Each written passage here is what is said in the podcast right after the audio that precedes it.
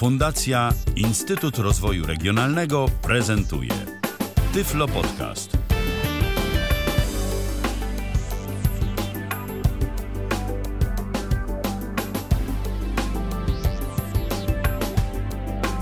Minęła godzina 19. Ja nazywam się Michał Dziwisz i witam bardzo serdecznie w kolejnym spotkaniu w tym tygodniu na żywo na antenie Tyfloradia i na Facebooku. Pozdrawiamy tych wszystkich, którzy nas właśnie tam również y, słuchają. Można będzie do nas dzwonić. O tym, jak dzwonić i gdzie dzwonić, to opowiemy za momencik, ale na dobry początek przywitam mojego dzisiejszego gościa, czyli Dawida Piepera, z którym to już nieraz y, mieliśmy przyjemność się na antenie Tyfloradia słyszeć. Dobry wieczór, Dawidzie. Dobry wieczór wszystkim. A jak Dawid to hmm, Elten. albo znaczy, Linux, albo Srebrny Labirynt. Albo, al, o, o labiryncie to nie było słychać od lat, ale albo Elten, albo Linux, albo coś się psuje.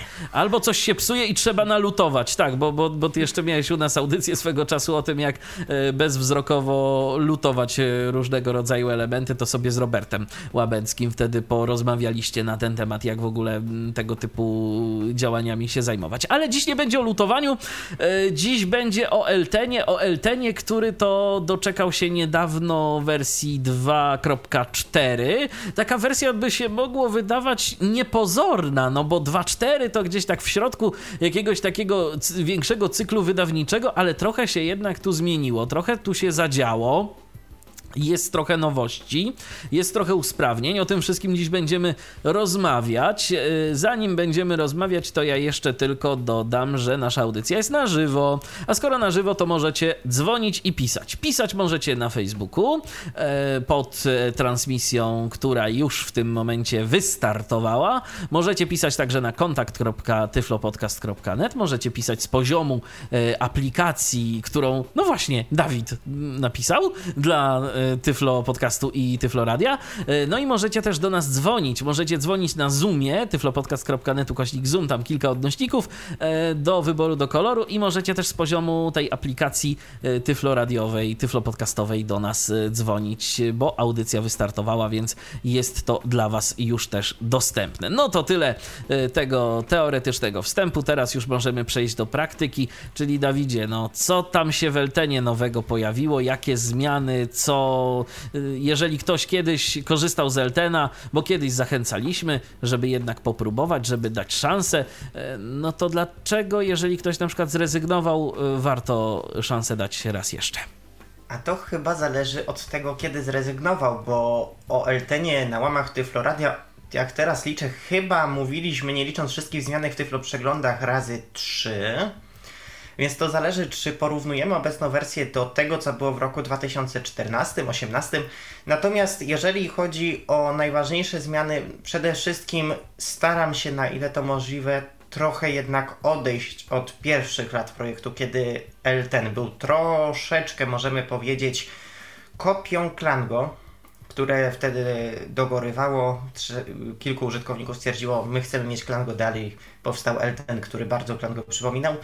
Teraz poniekąd z tego się nieco wycofuje i chyba pierwsze różnice w tej wersji 2.4 będą dotyczyć i na pewno rzuci się w oczy tego, że jednak ten program zaczyna bardziej przypominać aplikację natywną, chociaż co trzeba tu od razu zaznaczyć dalej, jest to własny GUI, własny interfejs graficzny. I od tego nie odejdziesz, zarzekałeś się już ileś razy, że nie, to zostanie, y, y, takie własne kontrolki pozostaną, to już po prostu tak będzie. Tak, przynajmniej w aplikacji dla systemu Windows. Zgadza się. E, natomiast rzeczywiście staram się odejść od tego, co było, nie można powiedzieć złe, ale co moim zdaniem Co nie przystaje do dzisiejszych czasów może to też tak, no bo y, Klango to jest produkt, który był w 2008 roku, jak dobrze pamiętam, mm, tak bardzo na topie. No to jest, proszę Państwa, 13 lat. To w informatyce to jest naprawdę dużo, nawet i w tyflo informatyce to jest dużo. Dokładnie, więc no staram się odejść od tego, wyciągnąć raczej zamiast niszczyć, staram się i będę się starał z tego interfejsu, skoro już mamy co mamy, wyciągnąć jak najwięcej z korzyścią. A jeżeli komuś nie będzie odpowiadał, no to o czym będziemy dzisiaj mówić? będą powstawać aplikacje mobilne, będzie powstawać strona internetowa. Kiedyś. Kiedyś. No właśnie, a już zdecydowałeś, bo tam ostatnio widziałem taki duży wątek, e, kiedy się przygotowywałem do tej naszej dzisiejszej audycji, był taki duży wątek, w którym była dyskusja, czy najpierw strona, czy najpierw aplikacje. Podjąłeś już decyzję, czy jeszcze na razie nie? Ja w tej chwili uważam, że priorytetem mimo wszystko jest strona internetowa. Jednakże decyzja nie jest podjęta w tej chwili. Czeka nas jeszcze jedno dość duże, chociaż na pewno nie tak duże jak LTN 2.4 wydanie. Ono będzie oznaczone jako LTN 2.4.1. Będzie to wersja poprawkowa, usprawniająca. W tej chwili przyjmuje opinię odnośnie LTN 2.4. Możemy się jej prawdopodobnie spodziewać pod koniec lutego albo w marcu. I zaraz po LTN 2.4.1, jakby to powiedzieć, ja rezygnuję z rozwijania klienta prócz poprawek i będę się skupiał na chwilę obecną na stronie internetowej, ale jeszcze dyskusja trwa i jeżeli ktoś mnie przekona, żeby robić inaczej, będzie inaczej. Okej, okay, ale ty rezygnujesz z rozwijania klienta już tak e, na zawsze, czy do momentu, aż e, aplikacje mobilne i strona internetowa go nie dogonią? Do momentu, aż uzyskamy aplikacje mobilne funkcjonalne i stronę internetową, ale ja od razu zakładam, że to będzie przynajmniej rok, dwa przestoju w pracach. No tak, no bo y, tu warto wspomnieć o tym, y, chociaż y, no, plany były trochę inne i cały czas to się może zmienić, jeżeli się pojawią chętni tak nadal chyba jest taka sytuacja, że ty cały czas jesteś jedynym programistą, który pracuje przy Eltenie. Tam jakieś przymiarki były do tworzenia tych aplikacji mobilnych, ale jak tak obserwowałem, przynajmniej to, co można wyczytać publicznie z wątków, no to za wiele z tego nie wyszło. To było trochę zapału i na zapale się skończyło. No tak niestety już bywa. Zaczynam się uczyć, że jeżeli w Eltenie coś musi być zrobione, to przynajmniej na razie muszę zrobić to ja. No takie życie niestety.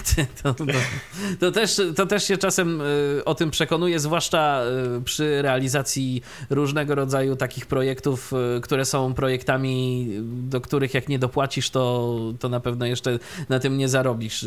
Coś o tym również wiem i, i to takie trochę smutne jest, no ale y, życie, życie po prostu. No dobrze, to co nowego się pojawiło w Eltenie teraz? Może o tym najpierw powiedzmy. Y, tu sobie wypisałem jeszcze w trakcie takiej naszej króciutkiej rozmowy przed wejściem na antenę, y, o czym warto wspomnieć. No myślę, że warto wspomnieć o tym, że pojawił się nowy silnik blogów. To on już jakiś czas temu został wdrożony i trochę zawirowań wokół tego było, ale myślę, że warto warto również o tym wspomnieć, bo to jest no naprawdę coś.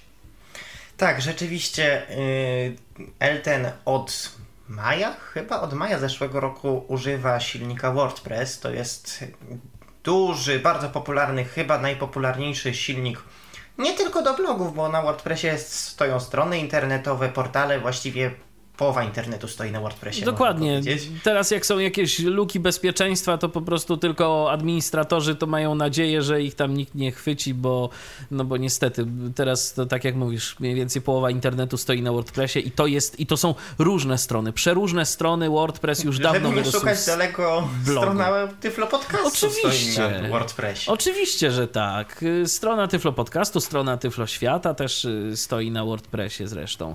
Jeszcze, jeszcze mnóstwo różnych różnych innych stron, y, po których nawet nie zawsze to widać, no bo WordPress jest bardzo modyfikowalny i tam sobie można dużo różnych rzeczy pozmieniać. Tak, więc rzeczywiście przeszliśmy na WordPressa z blogami i od razu pojawiło się dość sporo pytań, wątpliwości. I tak czuję, że jeżeli Eltem przetrwa następne 20 lat, to na początek roku 2040 pojawi się wątek pod tytułem o co chodzi z tym całym WordPressem. Ale yy, najważniejsza zmiana jest taka, że te strony jakoś wyglądają. WordPress jest stworzony po to przede wszystkim, żeby można było relatywnie łatwo stworzyć bloga, oczywiście go tam dopasowywać jak tylko się chce, tworzyć jakieś stopki, loga, własne układy graficzne, motywy, ale przede wszystkim ma być prosty. Ma wyglądać tak, że użytkownik siada do komputera, chce mieć bloga, klika tu, tam, pisze i ma ładnie wyglądającego bloga. A to w Eltenie, nie ukrywajmy, jest ważne, bo do maja 2020 roku te blogi zbyt estetycznie nie wyglądały. I to zarówno od strony no powiedzmy wizualnej, czyli była to strona z masą tekstu nie do rozczytania, jak i linkowej, bo komu się będzie ładnie kojarzył link pod tytułem slash blog.php znak zapytania i 58 tysięcy znaków potem. No weź to zapamiętaj przede wszystkim. Tak, a w tej chwili mamy ładną, znaczy ładną, no prostą domenę elten.blog. Użytkownik sobie zakłada bloga, ma adres coś.elten.blog, prosto, ładnie wyglądające wpisy. Przy okazji WordPressa można też y, integrować z Facebookiem, żeby automatycznie zamieszczał informacje o wpisach na Facebooku, ma kanały RSS, no dużo tego jest. Dużo tego jest, a na ile, bo tu warto też wspomnieć, mówiłeś o tym, że WordPress no, jest y, silnikiem dość mocno modyfikowalnym, można tam naprawdę wiele różnych rzeczy zrobić, ale no powiedzmy sobie szczerze, y, to nie jest tak, że każdy ma swoją własną jakąś tam instancję tego WordPressa i tam może robić wszystko. To y, ty tego WordPressa zainstalowałeś na serwerze i pewne ograniczenia jakieś jednak narzucić musiałeś. Co może, a czego nie może użytkownik?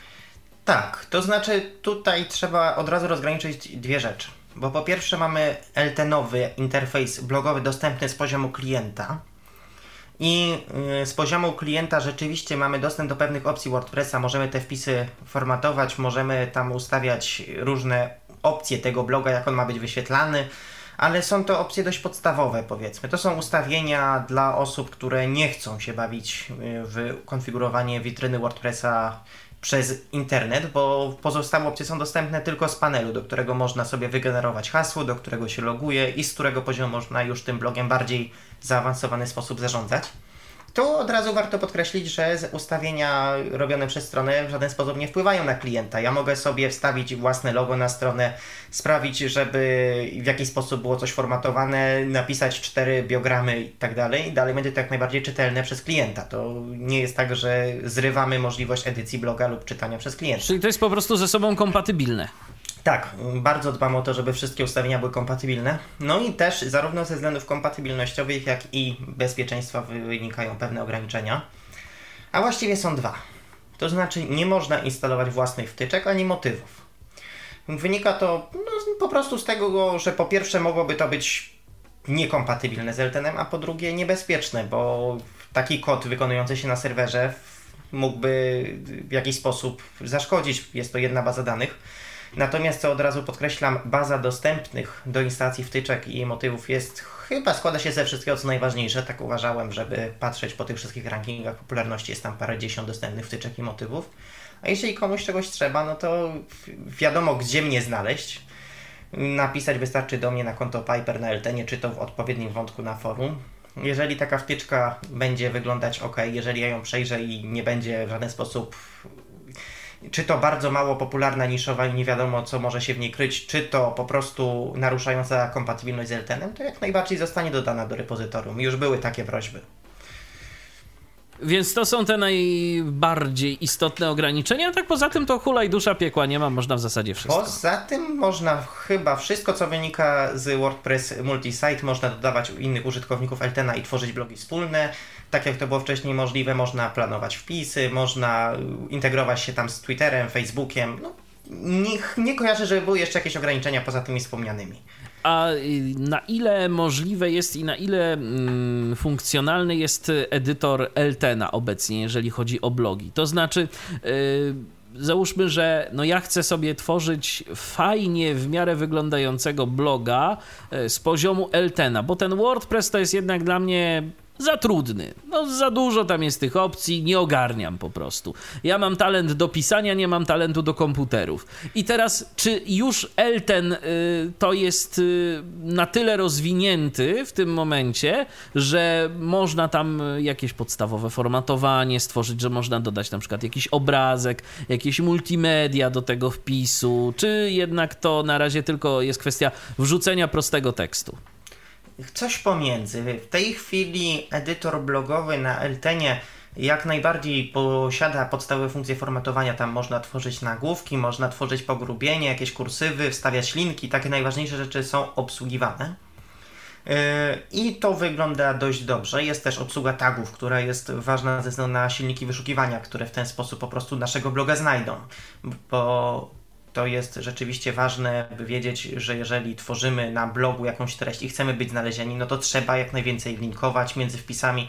No ale to już są porady ściśle z SEO związane. Natomiast rzeczywiście nie można na chwilę obecną stawiać obrazków yy, ani multimediów specjalnych w stylu filmów, w stylu odnośników do Facebooka. Natomiast są dwie różnice. Po pierwsze, jeżeli wstawimy link obsługiwany przez WordPressa, czy to do YouTube'a, czy czegoś takiego, automatycznie zostanie on ładnie sformatowany. Po drugie, mamy do dyspozycji edytor HTML prosto w Eltenie, więc jeżeli potrafimy coś napisać w HTML-u, a niekoniecznie chcemy się bawić w Gutenbergu, czyli edytorze WordPressa, jak najbardziej mamy możliwość wpisania odpowiedniego kodu po prostu. Prosto w Eltenie przełączamy się w edytor HTML, wpisujemy co chcemy, wracamy do edytora klasycznego, będzie to działać i zgodne z Eltenem. To ja już od razu zapytam, jako ktoś, kto Gutenberga po prostu nie lubi. Y, jest na Eltenie ta wtyczka Classic Editor, że można jest się cofnąć? Jest dostępna. Classic Editor jest dostępny. I z moich statystyk wynika, że bardzo dużo osób je poaktywowało. Ja się, wcale, to... ja się wcale nie dziwię, bo jakoś jak zobaczyłem Gutenberga, to po prostu stwierdziłem, że chyba jednak to my nadajemy na jakichś innych zupełnie falach i, i, i to zdecydowanie tu żadnej relacji ciekawej nie będzie. Ja, ja dochodzę do wniosku, że należę do tej mniejszości społecznej, która po prostu Gutenberga lubi. Ale... A no widzisz, no to, jest, no to jest po prostu kwestia jakichś tam sympatii bądź też antypatii, yy, ale no jak sam yy, Marko Ceje, który do Gutenberga włożył naprawdę dużo y, energii i pracy, żeby dostępność tam była, to w pewnym momencie on się chyba nawet poddał i, i gdzieś tam widziałem jego wpis, że no jednak Gutenberg to, to, to, to, to jeszcze nie jest Gutenberg to. Gutenberg jest trudny. I nie jest to wcale takie fajne, jeżeli chodzi o dostępność. Zresztą ostatnio Marko to porzucił WordPressa na rzecz Ghosta, czyli takiej innej platformy blogowej, ale to już zupełnie inna historia. Tym, tymczasem mamy y, kogoś na linii, kogo to może nam się przedstawi. Kto jest z nami? E, witam bardzo serdecznie, przedstawiam się Patryk Mosiewicz z tej to strony. Patryku, to zmień sobie kiedyś ten nick użytkownika, e... bo cały czas Zoom User nam się pojawia. Ojejku, a czemuż tak? A to ja nie coś... wiem. Coś popsułeś. Coś ostatnio jak z iClouda przywracałem, to coś się No coś, coś, coś, tam, coś tam namieszałeś, ale okej, okay, słuchamy, słuchamy cię. To znaczy tak, no yy, mam nadzieję też, że nie tylko jakby mówimy tutaj o nowościach Eltena, ale również o takich jakby rzeczach ogólnych związanych z Eltenem, jeśli oczywiście można e, tutaj powiedzieć. Proszę o... bardzo, no masz autora e, Eltena tak, na linii, dlatego... możesz tu właśnie się, wiesz, wypowiedzieć. I... Właśnie, dla, właśnie, dlatego, właśnie dlatego zadzwoniłem, że jest autor. No cóż, ja chciałem, ja chciałem w ogóle powiedzieć E, także e, no, bardzo dużo jest takich nowości. Natomiast ja się chciałem zapytać, Dawidzie, co, co jest e, z API? No bo kilka jakichś tam wątków dalej, znaczy kilka wątków wstecz, pojawiło się takie pytanie, co byście chcieli, żeby było w tym API napisane. Ja tutaj mam na myśli jakieś sekcję programy, która moim zdaniem jakby jej potencjał nie został wykorzystany jakoś tak zupełnie. Na pewno, bo... na pewno o ten temat zahaczę, bo jest to też duża zmiana. Na Gry na przykład. Na, jeszcze, na pewno jeszcze o temat API Eltena yy, zahaczymy, przy czym od razu podkreślam, że tu mamy pewien problem, bo czy my mówimy, w tym wypadku domyślam się, że mówimy o API dla programów. Natomiast tak. API może o, też oznaczać API do łączenia się z Eltenem. I rzeczywiście nie, nie, nie, mamy tu pewien problem pojęciowy. Nie, nie, nie. Mnie chodzi bardziej o sekcję, mówię, programy, która no jest, której potencjał jest po prostu niewykorzystany, bo no mamy kilka tam jakichś gier, mamy, to, mamy tam Trochę programy. Tak pokazowo to wygląda. Tak, tak. pokazowo właśnie. A... Na pewno, na pewno jeszcze parę słów postaram się dzisiaj o programach wspomnieć, bo jest to też dość duża zmiana LTNA 2.4. Wiele funkcji zostało tam przeniesionych. I tak jak zapowiadałem, na pewno na miesiącach pojawi się dokumentacja. Ale czy ktoś ją wykorzysta? Na A ty, Dawidzie, nie masz wątpię. zamiaru jakby czegoś właśnie napisać, bo sam pytałeś, jaką byśmy na przykład grę chcieli na Eltena i nawet była taka... Powiem tak, była propozycja gry RTS i prawdopodobnie kiedyś ona zostanie zrealizowana, ale... Była. Hmm? No sytuacja jest taka. Ja jestem jeden, rzeczy do zrobienia jest dużo. I niestety trzeba trochę układać priorytety, a wydaje mi się, że w tej chwili priorytetem jest po prostu mobilka i strona. No właśnie, a propos tego, że jesteś jeden, dokładnie, do, dokładnie przed audycją, nie wiem czy miałeś okazję zobaczyć, e, tutaj e, mój mm, znaczy nasz kolega, który tutaj już można powiedzieć kolegą redakcyjnym jest, czyli Arek Świetnicki, znany jako Nuno, e, stworzył ankietę, bardzo dobry pomysł w ogóle, czy by można było na LT, właśnie dla LTN powołać Radę Starszych, czy, znaczy, pu, nie Radę Starszych, fu, jeszcze raz. E, wsparcie techniczne, czyli jakby To po ja prostu już- grupę osób, które by na przykład mogłyby pomagać nowym użytkownikom, mogłyby na przykład zbierać błędy, które ty, no bo ty jesteś, jak to sam ładnie powiedziałeś, sam. I na przykład byłaby grupa osób, która by na przykład zbierała błędy. Taki na przykład support. Zgłaszamy błędy yy, i taki go ktoś, kto jest w supporcie, wysyła w odpowiednie miejsce tobie błędy, bo nie każdy musi się znać na GitHubie, nie każdy musi tego GitHuba lubić, a tu Jak- jednak, czy jak to ze stroną. Jak najbardziej jestem za, ale no to jeszcze muszę przeczytać wspominany wątek i pewnie odniosę się na forum Eltena, jak znajdę chwilę. Yy, przyznam, jeszcze się nie zapoznałem z tą propozycją.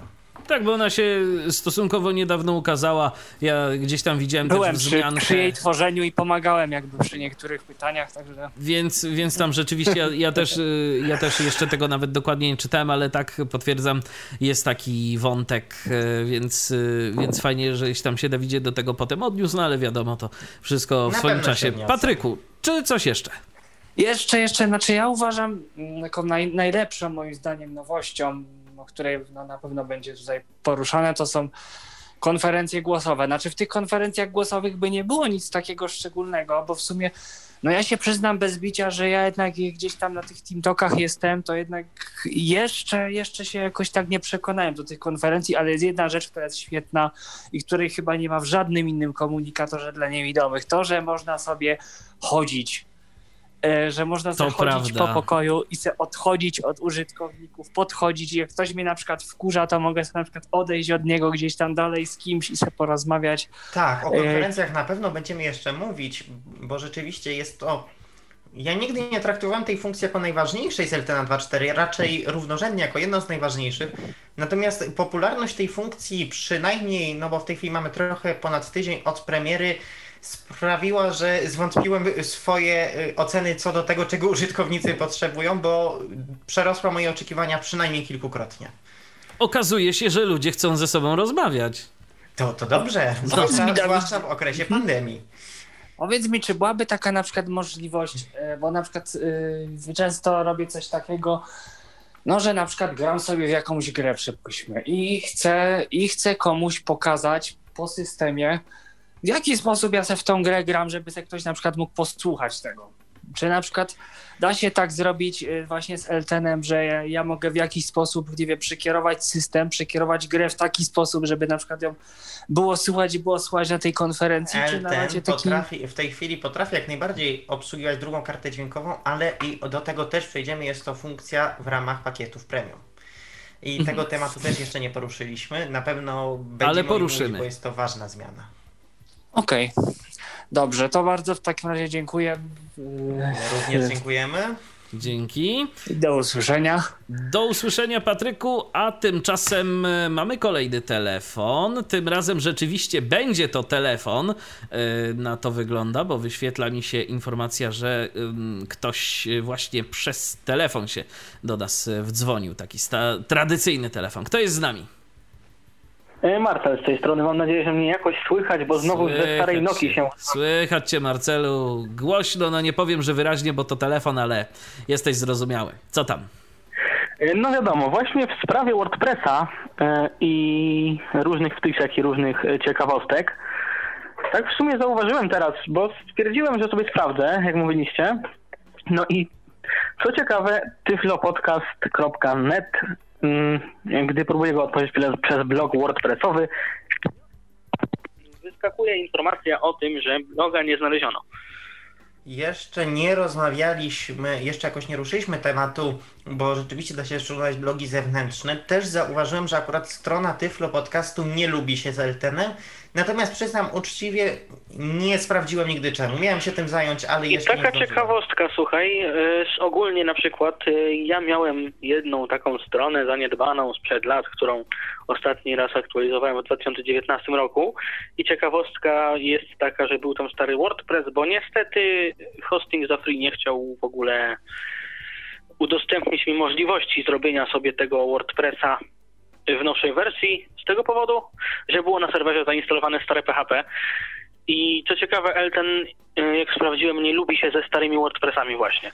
Rzeczywiście. Elten, Również. No jeszcze, jeszcze w ogóle nie spełniliśmy tej funkcji. Elten y, WordPressowe API obsługuje tylko w najnowszej wersji, czyli V2. Ona weszła, zdaje się, w WordPressie 4.4 czy jakoś tak i nie obsługuje starszych. To, To ciekawe, bo ja tam miałem wersję 4.9 chyba, więc to musiało się później to wejść. może nawet później. Czy coś jeszcze, Nie Marcelo? pamiętam, czy to nie weszło w piątce właśnie. A może, Właśnie ja, ja propos- tak nie pamiętam historii zmian, przyznaję. WordPressa jeszcze. Y, Niektórzy użytkownicy wiedzą, ale kiedyś, dawno temu poro- po, pojawił się w mojej głowie pomysł, żeby zrobić takiego bloga, gdzie będę opisywał WordPressa, mówił różne właśnie ciekawostki na jego temat, pokazywał jak tego w ogóle z Eltenem używać. To było wtedy, kiedy WordPress się, y, że tak powiem, na Eltenie pojawił. No ale niestety projekt umarł śmiercią naturalną z powodu braku czasu plus różnych innych spraw prywatnych, które wystąpiły gdzieś tam po. I tak się zastanawiam, czy go nie wznowić. Yy, Właśnie powiem szczerze, Marcelu, szkoda, że ten projekt umarł śmiercią naturalną, bo początek był całkiem niezły y, i ja się spodziewałem y, trochę po tym y, twoim cyklu, ale tak właśnie no, był i znikł i, i nie ma. mm, To też właśnie chciałem ogłosić, że powoli pracuję nad nowymi odcinkami, tylko planuję najpierw skończyć, nie wiem, jakieś 10 odcinków, nagrać na wstępie i dopiero później je puszczać A potem tydzień, żeby nie wrzucić, tak, żeby już właśnie tego zrobić typu. sobie jakiś, y, jakiś bufor. Mhm. Tak, żeby po prostu, bo właśnie to się brało stąd, że to wszystko upadło, że ja nagrywałem te odcinki na bieżąco i niestety był to taki czas No, że w życiu moim, że nie miałem w ogóle chwili, żeby nad tym siąść. Rzeczywiście pamiętam, że projekt cieszył się tam dość sporą popularnością, dość sporo pojawiało Tak, się to- komentarzy. To pierwszego dnia, pierwszego dnia, słuchaj, to już dużo śledzących osób się pojawiło i taka ciekawostka, że pod pierwszym wpisem to mam chyba z 30 komentarzy obecnie. Więc nawet więcej troszkę. Rzeczywiście trochę było o tym głośno, a potem zrobiło się jakoś tak cicho. Dokładnie, dokładnie. Więc projekt, ja wiem, że projekt jest na pewno potrzebny. Jest potrzebny, tak, z tym się zgodzę. No, oczywiście. Bo do tej pory od premiery e, WordPressa w Eltenie e, zauważyłem taką niestety smutną rzecz, że mm, ilość blogów się zmniejszyła, ilość aktywności blogowej się zmniejszyła. Będę, będę też o tym mówił, na pewno chciałem Podejrzewam właśnie, poruszyć. Podejrzewam właśnie, że to też przez to, że użytkownicy nie do końca wiedzą, co to ten WordPress, jak on działa i No, co pojawi- dalej, nie? Pojawiło się rzeczywiście, no tak jak już mówiłem, pojawiło się pewne zamieszanie, nie wszyscy wiedzieli z czym to się je i co właściwie się stało i rzeczywiście... Nie wszystko na początku też zadziałało, niestety, ale to było, prawda? Tak, tam taki do wielki, wielki przez te- wątek o tym, co tam nie Tak, działało, tak, na kilkaset właśnie. postów. Zgadza Tak, się. bo to po prostu po testach serwerowych wynikło, że jednak nie wszystko działa tak jak na serwerze testowym, z tego co pamiętam. Tak zawsze jest. Się, Coś wszystko, takiego. wszystko na teście pięknie działa, potem się to wrzuca na No produkcję tak, i- chociażby mamy, chociażby mamy beta testy nasze, LTNA 2.4, już jest wersja 2.4.02.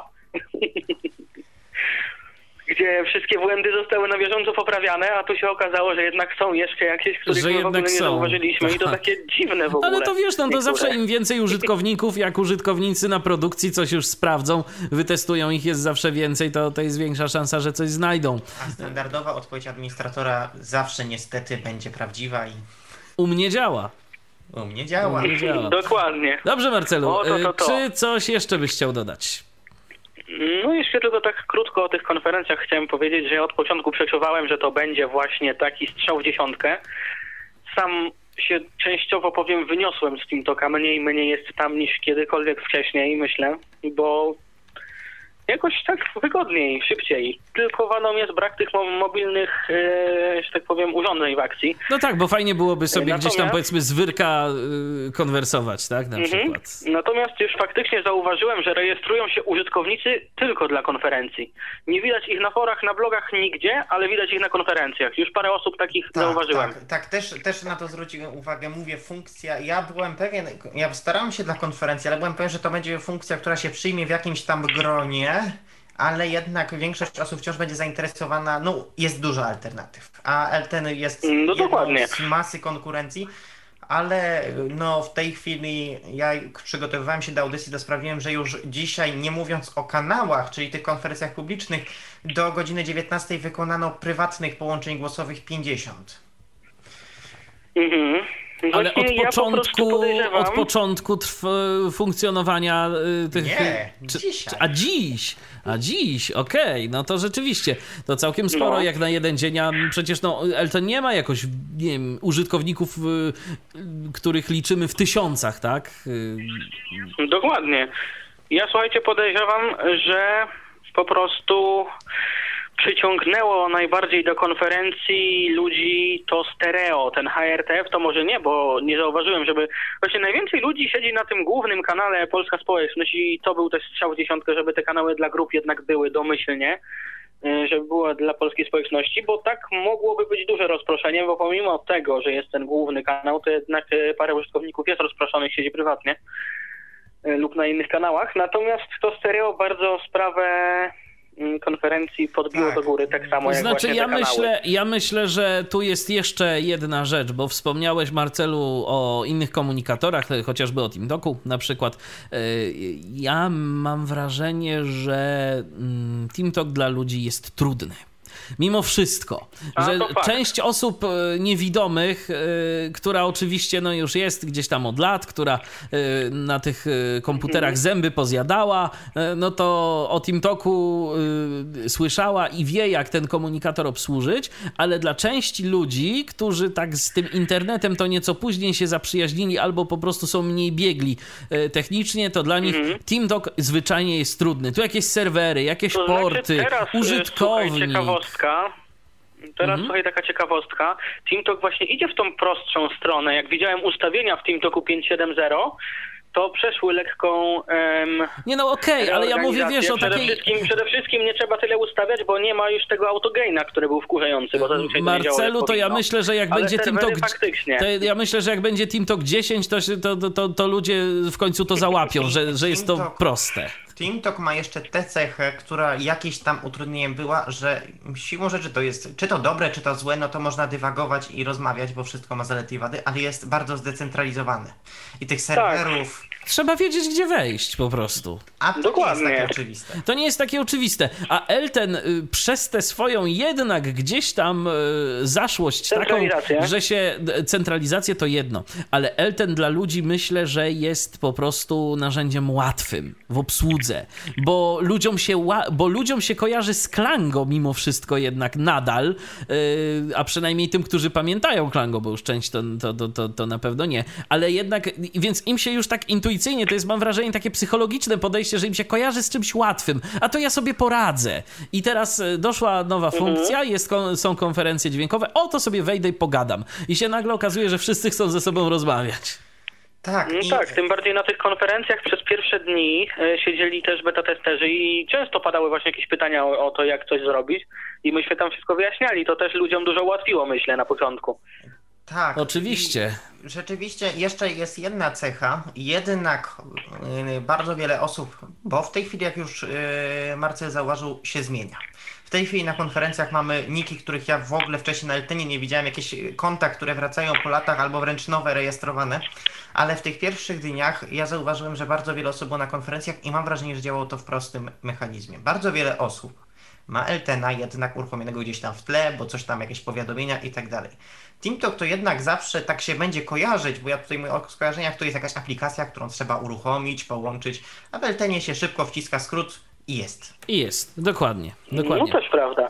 Dobrze Marcelu, czy, czy jeszcze coś, bo mamy kolejny telefon, więc ja bym chciał już przejść dalej. Na obecną chwilę nie, natomiast jeżeli będę coś chciał jeszcze dopowiedzieć, to się będę kontaktować, wiadomo. Jasna sprawa, to dzwoń do nas, a tymczasem ja już wpuszczam na antenę kolejną osobę, która do nas się e, dodzwoniła i zaraz zobaczymy, kto będzie z nami tym razem. Kogo witamy? Halo? Cześć Dawid, witam cię serdecznie, Mateusz Bobrusz z tej strony, witam wszystkich. Cześć Mateuszu, słuchamy. Dobry. Cześć, dzień dobry, cześć, cześć Dawidzie. Em, Dawidzie, ja mam dwa pytania odnośnie Eltena, tak na szybko, żeby nie przedłużyć audycji, postaram się wyrobić.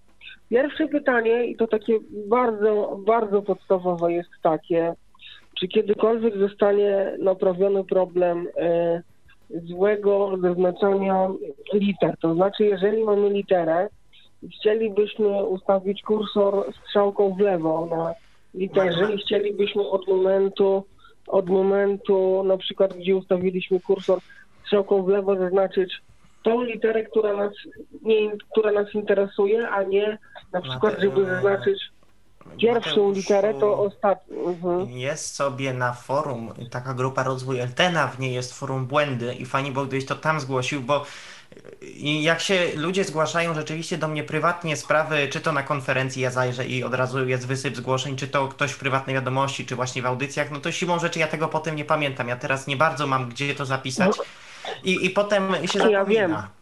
Więc no, Ja ja, wiem, ja, ja wiem, staram ja się wiem, wszystkie wiem. błędy naprawiać, tylko żeby one były, po to jest to forum, żeby jednak tam zgłaszać i żeby tam była baza tych błędów, żeby Żebyś miał do czego wrócić i Tak. gdzie sobie to wszystko przypomnieć.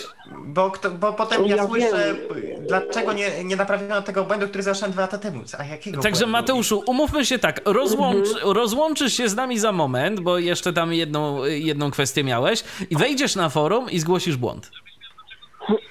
Tak, tak, tak. O, Okej. Oczywiście, oczywiście. Przepraszam, tylko chciałem, wiesz, zasygnalizować, bo ten błąd y, jest po prostu bardzo dawno już ten błąd jakby nie został naprawiony i myślałem, Dawidzie, że ty o tym wiesz, prawda? Na Znaczy, temat tego wiedzieć błędu. wiem, Y, rzeczywiście wiem, to nie jest tak, że mnie zaskoczyłeś tym błędem, ale to, to jest różnica między wiedzieć, a pamiętać, kiedy się naprawia. To je, I żeby go do naprawić, dokładnie. Już się Rozumiem, czasem tak się rozumiem, przyzwyczaiło do pewnych rzeczy, że się zapomina o nich. I Jasne, ja, ja wiem, ja wiem, ja wiem. Dobrze, zgłoszę. Oczywiście, nie ma, ja nie mam tutaj do ciebie pretensji, po prostu każdy z nas ma wiadomo, różne wiadomo. sprawy na głowie i, i, za, i zapomina, tak, wiadomo, życie życiem, development, development Dobrze, Mateuszu, drugie Natomiast pytanie. Drugie pytanie jest takie, drugie moje pytanie jest takie, gdzie można na przykład dokonywać poprawek tłumaczeń w angielskiej wersji Eltena, bo zauważyłem troszeczkę błędów w tłumaczeniu. Błędy są raczej takie, dużo polonizmów jest, znaczy y, to jest dopracowane już trochę, ale jeszcze troszeczkę błędów pozostaje. Czy jest taka możliwość, żebym ja na przykład poprawiał anglojęzyczne y, błędy Jak najbardziej tłumaczenia teraz Eltena? Tłumaczenie angielskie korygowała i nie, nie wiem, najpierw bym napisał do niej, czy dalej chcę to ruszać i tak dalej. Zajmowała się tym, żeby mnie teraz y, Dorota Krać, ona jest na Eltenie jako Dorka Krac, zdaje się. Można do niej napisać. Jeżeli albo nie, nie- jest, już w tym nie chce się bawić, nie, no, jeżeli nie ma czasu, bo jakiś czas nie było od niej informacji, to na angielskim forum, A to kto tłumaczył? Mhm. Jest forum Elten y, Translation, on jest przeze mnie założony i tam można jak najbardziej zgłosić. Rozumiem, a Dawidzie, a kto tłumaczył informacje o płatnościach z angielskiego? Też Dorota? Y, Z angielskiego czy na angielski? Ojejku, z polskiego na angielski, sorry, sorry, sorry. Mm, Informacje o płatnościach na język angielski tłumaczyłem akurat, o ile dobrze pamiętam, ja. Ale no jakieś rzeczywiście błędy mogły się wkraść, bo ja zwykle, no wiadomo jak to jest, leciałem na szybko z tłumaczeniami, żeby zdążyć na premierę. Więc mogły się tam jakieś... Rozumiem, rozumiem, ale ja mogę poprawić jakby co. I Tak, to mówię, skon, mogę, to- skontaktuj się z Dorką, jeżeli Dorka już, nie- no wiadomo, Tak, nie ma czasu, mhm. bo tam y, studia, nie studia, no to napisz w tym wątku Elten Translation i tam będziemy o tym rozmawiać. Dobra, dobra, dziękuję wam bardzo i nie przedłużam audycji. Dobra. Dziękuję. Dzięki wam bardzo. Dzięki. Mateuszu, dzięki za telefon. E, Pozdrawiamy cię serdecznie. Jeżeli wy również macie ochotę do nas zadzwonić, no to jest kilka opcji. Jest y, Zoom przede wszystkim, to kontakt głosowy. Możecie też do nas pisać na kontakt.tyflopodcast.net w aplikacji Tyflo Podcastu i na Facebooku. No właśnie, a propos tego, co mm, piszecie, to mamy tu wypowiedź od Kacpra. Witam serdecznie oraz pozdrawiam. Znajomy poprosił mnie, żebym napisał do was. Mój kolega Adam AXM na LTE ma problem z klientem. Po uruchomieniu programu słychać tylko y, ten zegar. Można wejść w menu i wtedy mm, pod, w menu pod altem i wtedy są dostępne opcje programy, narzędzia i wyjście.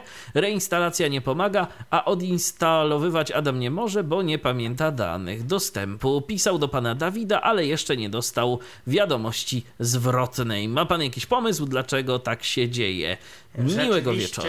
Rzeczywiście parę, yy, rzeczywiście maila dostałem, jeszcze nie zdążyłem się do, do niego odnieść, ale go widziałem. Natomiast jeżeli jest w kontakcie z użytkownikiem Antena, to ponownie najfajniej jest założyć wątek na forum, bo dla mnie zawsze forum jest siłą rzeczy priorytetowe. I jeżeli powstanie wątek na forum napisany przez kogoś w czyimś imieniu, to też będzie łatwiej to wszystko diagnozować, bo no siłą rzeczy kontakt mailowy jest yy, kontaktem mailowym, a jak się ma wątek na forum, w którym też inni użytkownicy mogą się wypowiadać, to jest po prostu łatwiej. Oczywiście, że tak. No to y, przebrnęliśmy przez pierwszy temat y, z nowości, jeżeli chodzi o Eltena, Mm, Chyba czyli nie o blogi. końca, ale co, coś jeszcze? Się, się pojawiło jedno pytanie, Właśnie, które warto... przeglądarka, przeglądarka blogów zewnętrznych.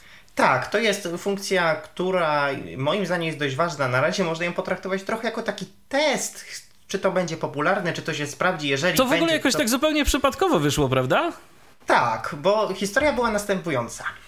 Implementujemy WordPressa yy, z jakimś tam API. Oczywiście trzeba tu podkreślić, że API WordPressa na potrzeby Eltena jest rozwinięte. To nie jest tylko to yy, API podstawowe, bo są funkcje pewne, które nie są dostępne. Eltenowe blogi oferują parę możliwości natywnie w WordPressie niewspieranych, jak na przykład tworzenie bezpośrednie yy, wpisów głosowych, śledzenie wątków, wątków całych blogów itd. Natomiast y, głównie bazujemy oczywiście na tym API oficjalnym i pewnego dnia y, coś testowałem i mnie śniło zaraz. Przecież to API jest dostępne nie tylko na Eltenie, ale na praktycznie każdym WordPressowym blogu. No i wdrożyłem funkcję, która pozwala na podstawie dostępnego API czytać blogi y, zewnętrzne. Mm, Blogi oparte na WordPressie. Y, Nie zawsze to działa. To trzeba podkreślić. Tak naprawdę ta funkcja działa im lepiej, im bliżej blog jest oryginalny. Jak tam są jakieś dziwne wtyczki instalowane, jakieś ograniczenia API i tak dalej, no to siłą rzeczy to nie działa albo działa słabo, bo WordPress, jak już mówiliśmy, jest różny, jak świat długi i szeroki. Ale bardzo wiele blogów jest przez API dostępnych, w tym z tego co testowałem chyba wszystkie blogi na domenie wordpress.com, która jest taką bardzo dużym repozytorium blogów. Tak, bo to jest y, taki serwis, y, gdzie każdy może sobie założyć za darmo y, bloga WordPressowego, mm, ewentualnie coś tam zapłacić i mieć dodatkowe funkcje, ale tak generalnie no to, to, to sporo, sporo jest za darmo. To jest ta taka komercyjna odnoga WordPressa. Tak. I też, co było jakoś tam wspominane przez y, Marcela pośrednio, to nie jest nowość. To było od zawsze, ale w WordPressie zostało utrzymane i chyba rzeczywiście warto zasygnalizować, że Elten ma jedną funkcję chyba dość nową, która mnie się wydała oczywista na etapie jeszcze projektowania wersji 2.0 3 lata temu, a cieszy się ogromną popularnością do dziś, czyli blogowe wpisy audio. Polega to na tym, że rzeczywiście wpis jest po prostu nagrywany. I pomysł wydawał się oczywisty, bo pojawiały się fora głosowe, wiadomości głosowe, czemu nie wpisy blogowe głosowe. Oczywiście da się umieścić wpisy głosowe na WordPressie, ale wymaga to nagrywania plików MP3, wrzucania na serwer. W LTE mamy to natywnie. I funkcja się bardzo, bardzo szeroko przyjęła, jest bardzo szeroko wykorzystywana i w WordPressie także jest wspierana. Napisałem odpowiednią wtyczkę i jak najbardziej jest to łatwe do odtwarzania, dobrze wspierane na wszystkich przeglądarkach, jeszcze ze starymi Eltonowymi blogami był problem, że nie grało to na Safari, teraz y, pod WordPressem działa na każdej przeglądarce i możemy umieszczać takie wpisy głosowe. Czy to coś pokazać, opowiedzieć, nagrać się i jak najbardziej będzie to ładnie wyglądało, czytelne, dostępne. No więc rzeczywiście fajna rzecz, jeżeli ktoś woli mówić, a nie pisać, można sobie, można sobie taki podcast tak naprawdę zrobić. Tak, prosty. Tak, mieliśmy na Eltenie już taką dość sporą inicjatywę i chyba pierwszego Eltenowego bloga, który warto, żeby wyszedł na zewnątrz i tak jak patrzyłem, vlogi jakieś wejścia były, to była inicjatywa oddolna użytkowników. Ja się w nią w ogóle nie, nie mieszałem, nie mieszam, nie uczestniczę w niej, ale bardzo pochwalam. Powstał taki blog Audiomemy. Audiomemy, tak. Mówiliśmy o tym w jednym z tyflo przeglądów zresztą. Bardzo fajna inicjatywa, y, również y, popieram, kibicuję. Jedne są wiadomo bardziej śmieszne, inne mniej, e, jak to z memami zresztą tymi graficznymi też, ale naprawdę no y, fajnie, że ktoś w ogóle na to wpadł, że skoro mamy tak, memy tak, jako obrazki, pomysł. tak, zawsze to jest pomysł, w ogóle taka kreatywność. Bardzo, bardzo mi się to spodobało. Wydawałoby się, że no w sumie no każdy mógł to wymyśleć, bo no co w tym trudnego, tak, jakieś takie proste scenki, proste rzeczy, czasem te, te memy, no różnie tam, jeżeli chodzi o ich wykonanie, ale w ogóle sam pomysł naprawdę bardzo, bardzo, bardzo mi się bardzo to spodobało. Wielu użytkowników się w to zaangażowałem. Jak patrzę, tam chyba około 10 osób już tworzy. Natomiast no niestety ten smutnym aspektem WordPressa, i to też Marcel zauważył, jest paradoksalnie to, że mimo wielkich możliwości, bo tworzenie naprawdę blogów, które wychodzą na zewnątrz, które no dla mnie przejście na WordPressa było tym, czego Eltenowi trzeba, tak uważałem, że skoro mamy masę blogów, żeby ludzie mogli wyjść na zewnątrz, żeby nie zamykać się na niewidomych, żeby pokazać widzącym, żeby nawet rozpropagować, bo przecież taki blog na Eltenie nic nie stoi na przeszkodzie, żeby być bardzo dużą, bardzo popularną stroną internetową, to trzeba podkreślić, nie ma tu najmniejszych trudności. No, funkcja na popularności blogowania bardzo straciła.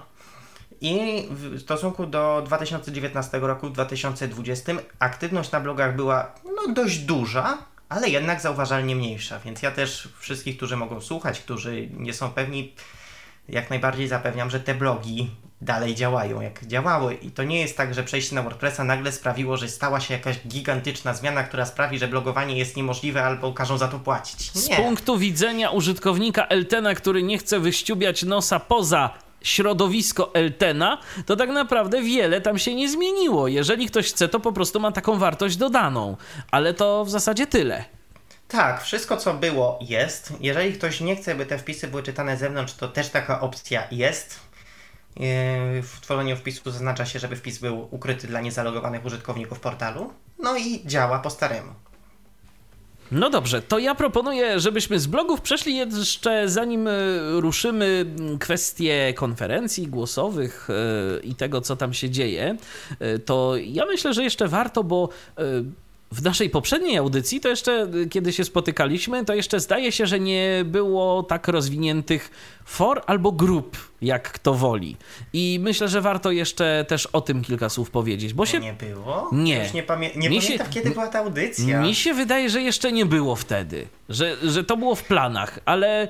Yy myślę, że warto, że warto kilka słów o tym wspomnieć, bo tu też się jednak trochę zmieniło. Teraz grupy są dostępne dla każdego i każdy może sobie je tworzyć. Tak, to, to była wersja jeszcze 2.3, czyli nowość z 2019 roku, 24 sierpnia 2019.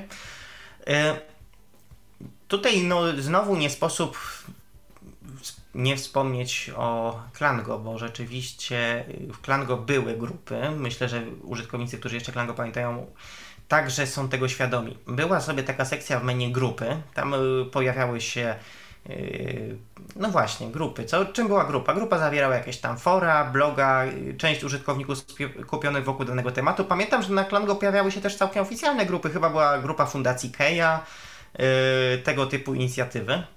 Natomiast przede wszystkim były fora i były grupy. I było tam forum Polska Społeczność Klango, na której prowadzono różne dyskusje. Na przykład były jakieś fora informatyka, literatura, kultura i były grupy i powstawały rzeczywiście potem grupy znowu tyflo, tyflo informatyka. Ja jeszcze od razu powiem, Dawidzie, tak ci wejdę w słowo, sprawdziłem szybki research i wyszukiwarka Tyflo Podcastu prawdę ci powie. Ostatnią audycję na temat Eltena robiliśmy w 2018 roku na jego czwarte urodziny. 18, czyli rzeczywiście jeszcze przed wejściem tak. grup. Dobrze y, kojarzyłem.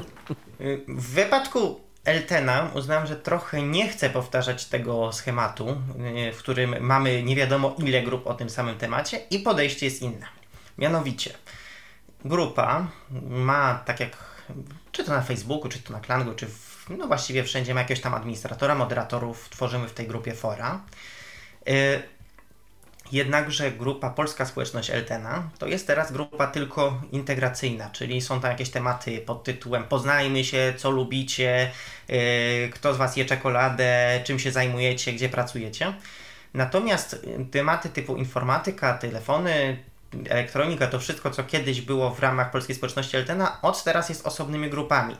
Myśmy stworzyli takie dwie, taką specjalną kategorię, nazwaliśmy ją grupy rekomendowane. To są grupy jakby które kiedyś były częściami y, polskiej społeczności Eltena, czyli właśnie informatyka, elektronika i można tam się wypowiadać, natomiast nic nie stoi na przeszkodzie, żeby użytkownicy tworzyli własne grupy. Nie ma tu jakiegoś ograniczenia tematycznego, tam tworzą fora. Jeżeli jakaś grupa zdobędzie dużo wpisów i administrator będzie tego chciał, może zostać grupą rekomendowaną. Mieliśmy już takie przypadki. I chyba model się mimo wszystko sprawdził, bo po pierwsze ludzie tworzą grupy na tematy, których interesują. Po drugie, Yy, też yy, te tematy są jakoś tam pogłębione, czyli nie mamy jednego wielkiego forum informatyka 1800 wątków, tylko jest tam jakiś podział na oprogramowanie, systemy operacyjne, programowanie. No i rzeczywiście po trzecie, forum inne przestało być wylęgarnią wszystkiego, bo jeżeli ktoś chce stworzyć grupę na jakiś temat, na przykład było wiele wątków NVDA, zakłada grupę NVDA, to jest akurat przykład z historii, i ludzie się wypowiadają w tej grupie Chyba pomysł się sprawdza, chociaż wciąż jednak są te wątpliwości ze strony użytkowników i różne pytania. I zresztą ty też miałeś takie mm, obawy, że to, że, te gru, że tych grup będzie e, dużo, to że nam się to wszystko tak rozdrobni tak, strasznie. Ja, ja, ja nie ukrywam i nie, nie będę ukrywał, że funkcji byłem raczej przeciw. Ale uznałem, że skoro użytkownicy, bo jednak y, było zainteresowanie grupami duże, uznałem, że skoro użytkownicy chcą, spróbujemy i nie żałuję.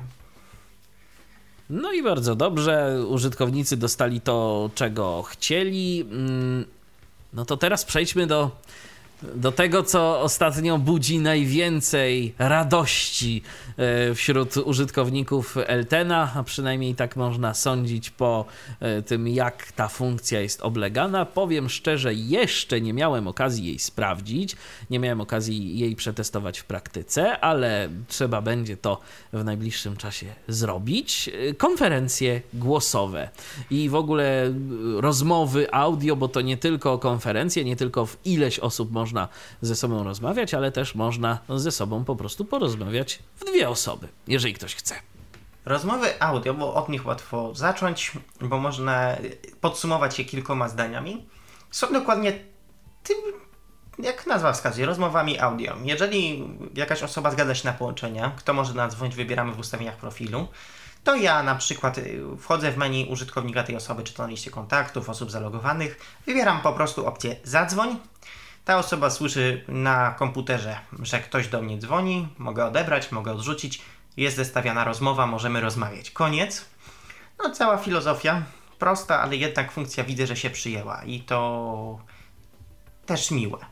Bo dzięki temu, że jednak większość osób ma tego LTN w tle, mimo że jeszcze nie mamy aplikacji mobilnych, bardzo dużo osób jest online. Zwykle jak się otwiera lista osób online, to tam przynajmniej 60-70 osób jest. No to jakby też dostępność jest duża. Trochę mi się to kojarzy ze starym Skype'em, gdzie jak się wchodziło w listę kontaktów Skype'a, to zawsze połowa była osób zalogowanych, bo ten program po prostu startował systemem. Dokładnie tak. A Więc... co z jakością tych rozmów? Bo to chyba całkiem duży atut. Te jak rozmowy głosowe są zestawiane w opusie 1.3.1 48 kilobitów na sekundę. Mówiąc trochę mniej technicznym językiem, chyba jest dobrze. Chyba jest dobrze, jest wyraźnie, jest, y, są wysokie tony słyszalne, więc nie jest to pasmo takie obcięte jak w przypadku rozmów telefonicznych. E, no, oczywiście wszystko też zależy od tego, y, jaki sprzęt y, ma użytkownik, bo jeżeli ktoś ma jakiś mikrofon za kilka złotych albo jakiś laptop na przykład z intensywną redukcją szumów, z ustawieniami systemowymi domyślnymi, no to czasem może być taka jakość. No, zdarzy się Oczywiście, ale... to, to zależy od sprzętu. Natomiast Opus, kodek Opus 48 kilobitów na sekundę to już jest naprawdę jakość bardzo, bardzo znośna. Zgadza się, zgadza się. Zresztą chyba nawet Zoom, z którego teraz korzystamy, to. Hmm, yy, no nie, tu jest chyba tu jest chyba 96. 96. 96. Opus, ma, y, opus Zoom ma 96. Zoom ma, Zoom ma 96, więc dwa, dwa razy tyle, ale y, no tu po prostu już, już później im wyższy ten bitrate, no to tym mniejsze różnice, a y, no niektóre komunikatory chyba też 48 wykorzystują. Nie, nie jestem pewien, ale WhatsApp chyba wciąż korzysta z 20. No, to tak dwa razy tyle, co na Whatsappie na przykład. Telegram może gdzieś tam. Telegram to, to, całkiem możliwe, że będzie tyle miał, te 48. Tak, więc jak już mówiłem, no dzisiaj 50 osób y, mhm. do godziny mniej więcej 19 funkcja rzeczywiście cieszy się dość sporą popularnością. Oczywiście trzeba tu mieć na względzie, że część z tych statystyk to jest yy, prawdopodobnie połączenie stylu yy, co jest zadane, a za dwie minuty, czy na pewno to jest zadane, czy tego typu rozmowy, jak znam życie. Ale mimo wszystko 50 połączeń uważam jest dość dużo. Dobra, Dawid, to teraz pytanie a... podchwytliwe. A możesz to podsłuchiwać? Nie, to znaczy protokół, protokół jest szyfrowany. Protokół jest szyfrowany. Oczywiście jest też scentralizowany i nie jest to pełne end-to-end encryption. Yy, mówiąc trochę po polsku, technika szyfrowania E2E polega na tym, że klucz jest przesyłany tylko między uczestnikami rozmowy i serwer służy tylko właściwie bardzo często nie ma żadnego serwera, bo jest to połączenie P2P. W wypadku Eltena, ze względu na prostotę, ze względu na to, żeby też, bo nie były sytuacji tak jak na TeamTalku, o czym rozmawialiśmy, że się pojawia nagle 50 pytań, jak to ustawić, jak skonfigurować firewalla i mi nie działa i czy mają dobry router. Jest to, przechodzi przez serwer, całe klucze są generowane przez serwer. E, natomiast jest to pełne szyfrowanie. E, szyfrowanie z użyciem klucza AES 256-bitowego, czyli największa konfiguracja, jaka jest możliwa. No tak naprawdę, gdybym ja chciał kogoś podsłuchać, to musiałbym ten serwer najpierw wyłączyć i go zmodyfikować. O tak bym to ujął ale na chwilę obecną nie masz takich planów, także słuchajcie, możecie, możecie spokojnie, spokojnie sobie tam rozmawiać. Dawid was nie podsłuchuje, Dawid ma ciekawsze rzeczy do roboty, między innymi poprawianie błędów y, w Eltenie. W, w rozmowach głosowych. W rozmowach głosowych, tak jest. Także e, spokojnie chociaż biorąc pod uwagę, ile teraz mają połączyć, to ja bym chyba musiał mieć z pięć głośników i na każdym osobne. No tak. Albo to wszystko, wiesz, jakoś deszyfrować, zrzucać sobie potem i tak, i tak jak ten słynny projekt Echelon, tak, w Stanach Zjednoczonych, na słowa kluczowe I, i, i wiesz, i na przykład reagujące tylko na ciebie, powiedzmy, ale ten Dawid jest coś tam, coś tam, nie? To dopiero w tym momencie wyskakuje ci. Tak, ale... natomiast, natomiast to były rozmowy głosowe dużo większe emocje, no siłą rzeczy wzbudzają konferencje. Konferencje, tak, no bo tu rzeczywiście jest trochę więcej różnych ciekawych funkcji i właśnie jakich, jakich. Już tu to, trochę Patryk nam zajawił temat, yy, ale yy, no warto myślę, że jeszcze coś więcej tutaj, o tym tutaj, powiedzieć. Tutaj od razu duże ukłony, bo protokół konferencji, możliwości konferencji może nie 100%, ale 80% wymyślili użytkownicy. I rzeczywiście ja tutaj byłem bardziej programistą. Trochę to pozbierałem, część propozycji odrzuciłem, część przyjąłem, trochę dorobiłem do tego interfejs, jak ja to widzę. Wiadomo, y, od tej strony, ale głównie pomysły nadpłynęły ze społeczności. A jeżeli społeczność tak się zgadza w czymś, to jednak warto je słuchać, bo fajne są te pomysły i ja bardzo się cieszę, że tak to powstało. O co chodzi? E, myślę, że większość słuchaczy kojarzy, czy to Zooma, na którym odbywa się ta audycja, czy to TeamTalka, czy inne komunikatory. Mamy tam kanał. Kanał to jest taka przestrzeń, do której łączy się 1, 5, 10 użytkowników i rozmawiają. I właściwie tu jest trochę koniec. Na LTN rozszerzyliśmy te pojęcie, mianowicie kanał jest pokojem. Pokojem, po którym ma jakąś tam przestrzeń, po której możemy się przemieszczać. I mówiąc przemieszczać się, nie mam na myśli to, że ja się przesunę przed mikrofonem w tej chwili, tylko z użyciem klawiszy strzałek możemy się przesuwać na lewo, na prawo. Yy, zastosowań tego jest bardzo wiele. Najprostsze, najbanalniejsze jest takie, wchodzi na konferencję 20 parę osób, Jedni chcą rozmawiać na jeden temat, drudzy na drugi, ale być może potem się zmieni temat, być może chcą porozmawiać razem, być może chcą siebie słyszeć, ustawiają się w jakiejś odległości od siebie, nie przeszkadzają sobie, ale są w jednej przestrzeni, wiedzą co mniej więcej się dzieje. Jeżeli ktoś ma jakąś sprawę, chce podejść do kogoś innego, no jak w trakcie normalnej rozmowy, jakiegoś spotkania. Czy po tym pokoju się poruszamy jak po kwadracie, czy prostokącie, czy to jest y, tylko strzałka lewo-prawo? Nie, to jest y, prostokąt. I teraz jest druga różnica. Y, nie jest to na razie opcja domyślna, bo wciąż ja ją trochę traktuję jako taki, może nie test, ale coś w stylu sprawdzania, rozwijania. Jeszcze nie jest to funkcja w, w kształcie finalnym, chociaż już jest zupełnie funkcjonalna. Jest to tak zwany HRTF. HRTF, czyli dźwięk przestrzenny. W największym skrócie polega to na tym, że użytkownicy poruszają się po kanale, i słyszą, że poruszają się po kanale nie tylko lewo-prawo, tylko słyszą, że ktoś jest z przodu, ktoś jest z tyłu, ktoś jest bardziej z tyłu z lewej strony, a ktoś bardziej z tyłu z prawej strony, albo z przodu z prawej strony. To jest opcja, y, że tak powiem, dobrowolna. Na razie trzeba ją w trakcie tworzenia kanału wyraźnie zaznaczyć. Ale jak najbardziej jest to użyteczne i widziałem, że takie kanały powstają.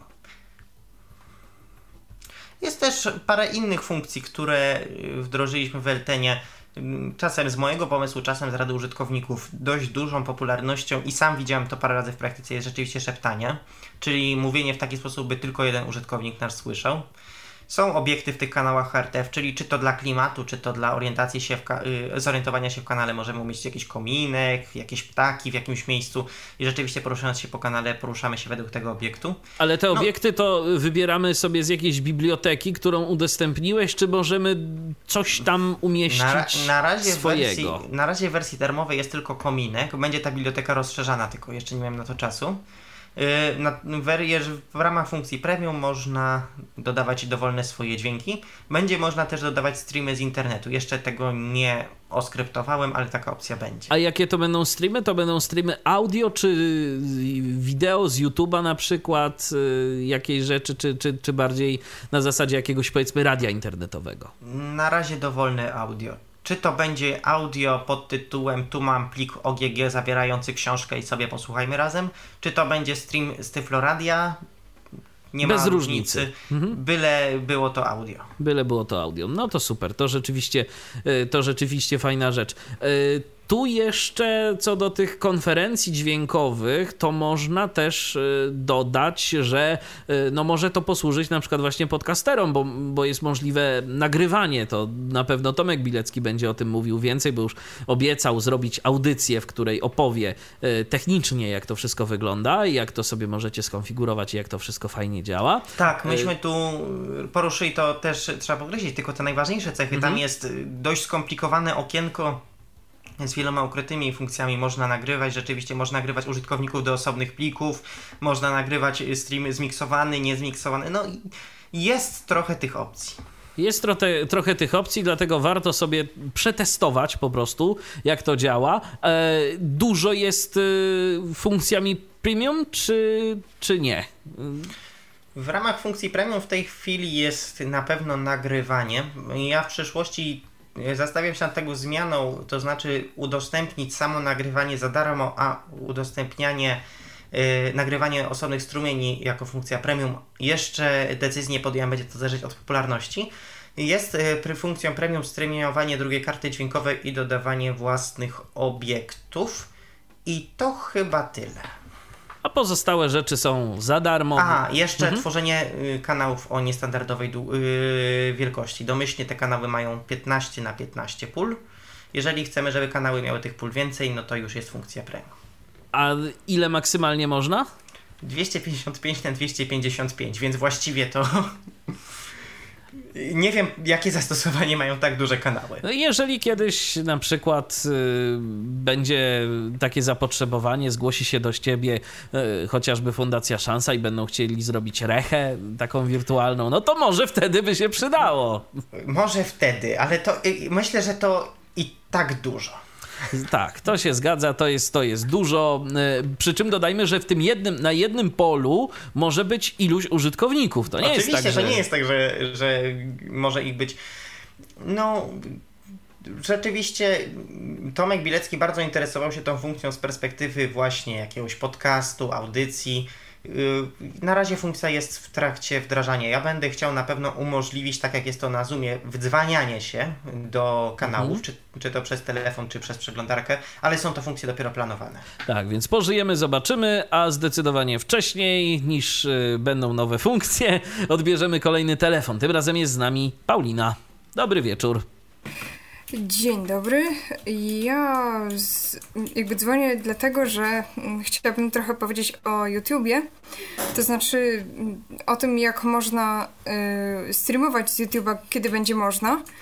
Mianowicie, y, jakby można to zrobić tak, że bierzemy konwerter jakiś z YouTube'a, na przykład youtube.pp.com, w sensie bierzemy jakiegoś linka z YouTube'a dopisujemy do niego pp przed .com i w, jakby ekstraktujemy z tego audio i wypuszczamy link na y, strumień.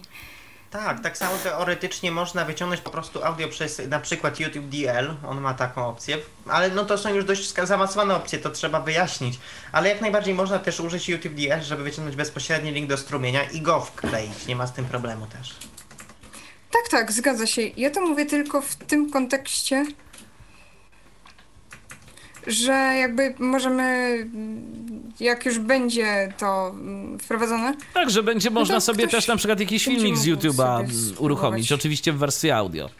Wersji audio. Mhm. Tak, zgadza się. Nie wiem jak to działa, jeśli chodzi o streamy, bo tutaj mógłby być ewentualny problem, ale nadal. Zobaczymy, zobaczymy. Ta funkcja prędzej czy później się pojawi, prawdopodobnie w Eltenie 2.4.1. Będzie można testować. No dobrze, no to, to z niecierpliwością czekam. Okej. Okay. Czy coś jeszcze, Paulino? Na ten moment nic. Dziękuję. Dobrze, to dzięki za telefon. Pozdrawiamy cię serdecznie, a tymczasem odbieramy kolejny telefon i to rzeczywiście będzie telefon. Kto jest z nami? Dzień dobry ponownie, w zasadzie dobry wieczór. Marcel ponownie z tej strony. Witaj ponownie, e, słuchamy. Chyba zapomnieliście o jednej funkcji dość fajnej e, w konferencjach, która właśnie powoduje też, że TeamTalk tutaj traci, że tak powiem. Tego w TeamTalku od zawsze użytkownikom brakowało, a tutaj to jest. Choć w dość niestandardowy sposób e, się jej używa dość niestandardowym skrótem. Mowa mianowicie o przewijaniu plików podczas strumieniowania na konferencji. A rzeczywiście, i rzeczywiście zapomnieliśmy, jest to też funkcja prep. Można w trakcie strumieniowania pliku na serwer, pliku dźwiękowego z naszego dysku, zarówno go zatrzymywać, jak i przewijać. Ale może Dokładnie. to robić Skróty tylko ten, kto streamuje, jak tak, rozumiem. Tak, tylko osoba hmm, streamująca. Tak. Mhm. Bo to był chyba kontrol lewy i prawy. Klawisz mm, kwadratowy. Jak te nawiasy się nazywają? Tak, nawiasy kwadratowe. Tak, jak, jak mówiłem, no jest, i... dość, jest dość sporo funkcji, o których nie powiedzieliśmy, także dlatego, że sam o nich nie pamiętam. Łącznie z tym, że użytkownicy nie zaskoczyli różnymi pomysłami, jak wykorzystać. Y, ja bywam na konferencjach, bywam, bo no, żywo mnie to interesuje, jak to się rozwija i tak dalej. I rzeczywiście już zauważyłem, że nawet bez HRTF-a, bo to trzeba podkreślić, nawet na kanałach bez HRTF-a bardzo często ludzie dzielą się na grupki. I... A to fakt. Tak, jest to coś, czego na TeamTalku nie było. W, je, jedne, w jednej Co najwyżej no, tam można się na kanały podzielić, ale to nie na to kanały. samo. W jednym miejscu ludzie rozmawiają o jednym, w drugim na drugim. Byłem świadkiem sytuacji, gdzie jedni sobie chcieli coś oglądać, jakiś tam film, nie pamiętam co to było, i sobie oglądali ten film. W innym miejscu ja tam z Patrykiem Feliszewskim, paroma jeszcze osobami rozmawialiśmy o kodekach audio, a w trzecim miejscu tam jakieś książka czy czymś takim. I wszystko w ramach jednego tak. kanału. A ostatnio to wczoraj wszedłem na konferencję późnym wieczorem, wchodzę, tak na środku jestem, na środku nikogo nie ma, po lewej ludzie, po prawej ludzie, to się bardzo często zdarza. I teraz w którą stronę iść, wybierać, nie? No zawsze możesz zajrzeć tu, potem możesz zajrzeć tam. I to jest za, fajne. Za, za, zapytać, albo na czacie zapytać, którzy są fajniejsi. A bo jeszcze, bo jeszcze jak rozumiem, te konfer- bo jeszcze konferencje mają e, czat, czy, mu, czy masz na myśli ten czat? Mają, tak, który tam... jest. jest Kiedyś w Eltenie był czat, ale teraz ten czat został e, zlikwidowany i przeniesiony po prostu bezpośrednio już do konferencji. Okay. I taka ciekawostka, poszedłem na prawo. Jakiś pop. Poszedłem na lewo, jakieś techno.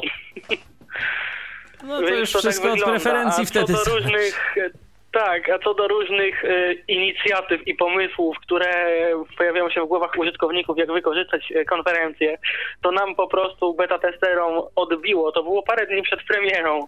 Ja mam nawet z tego nagranie. I stwierdziliśmy, że sobie urządzimy strzelaninę eltenową z obiektów. Tak. I rzeczywiście się ustawia, ustawiało karabiny jakieś tam maszynowe jako normalnie obiekty w HRTF-ie, no i mieliśmy grę. Dokładnie. I kto wygrał? Tak więc nikt. Remis. Bo wszyscy uciekli, bo było na końcu tak głośno, że nikt nie wytrzymał i zostaliśmy we dwóch. No cóż, ale przynajmniej mieliście rzeczywiście całkiem niezłą zabawę. Dobra, dobrze, Dokładnie. Marcelu, to w takim razie dzięki za kolejny telefon, chyba że jeszcze coś tam byś dodać chciał. Nie, to już wszystko. Ja dzwoniłem tak sprostować po prostu o Jasne. tych y, funkcjach y, przewijania. Jasne. Dzięki za telefon. Czekamy na kolejne telefony. Słuchajcie, my tu jesteśmy na Zoomie. Widziałem w międzyczasie, że mm, słuchaczka do nas się próbowała dodzwonić, ale uciekła z y, waiting roomu. Prosimy o cierpliwość. No, kolejka obowiązuje. Spokojnie.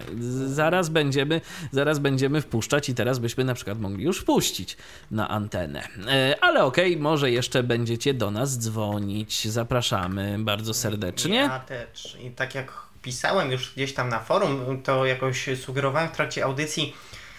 Rzeczywiście popularność konferencji skłoniła mnie do pewnej decyzji. Zanim, jak już mówiłem, zanim przerwę tam rozwijanie klienta, zarzucę je tylko na rzecz poprawiania błędów, jeszcze zostanie wydana wersja 2.4.1, która prócz poprawek ma się skupić właśnie na konferencjach. Bo ta funkcja jest bardzo popularna, widzę, że jest po prostu potrzebna. I Aha. I rzeczywiście jest to funkcja, która będzie dopracowywana. Ja w tej chwili pracuję nad y, propozycją zgłoszoną przez Tomka Bileckiego, która pozwoli w ramach kanału na konferencji ustawiać talię kart. I to nie będzie jakaś dedykowana gra, bo nie to jest celem LT-nowej konferencji. Do tego są już wszystkie Quentiny czy inne. Nie znam się tak, ale wiem, że coś takiego istnieje. Tylko po prostu talia kart, która będzie wyłożona gdzieś po środku. Będzie można te karty pobierać, rozdawać użytkownikom. A co ludzie z nimi zrobią? Czy zagrają w Macao, czy będą podziwiać, czy zagrają w wojnę? Zależeć będzie od nich. No to rzeczywiście też jest bardzo ciekawa koncepcja i zobaczymy, jak użytkownicy będą kreatywni, a tymczasem e, mamy słuchaczkę na antenie. Julita jest z nami, witaj. Dzień dobry. Dzień dobry, dzień dobry, dobry wieczór wszystkim. Dobry wieczór, słuchamy. E, Ja chciałam e, też nawiązać do konferencji, ale też do blogów. E, Proszę wybaczcie, jeżeli coś nam przerwie, ale okoliczności zewnętrzne mogą się uaktywnić, także za to przepraszam.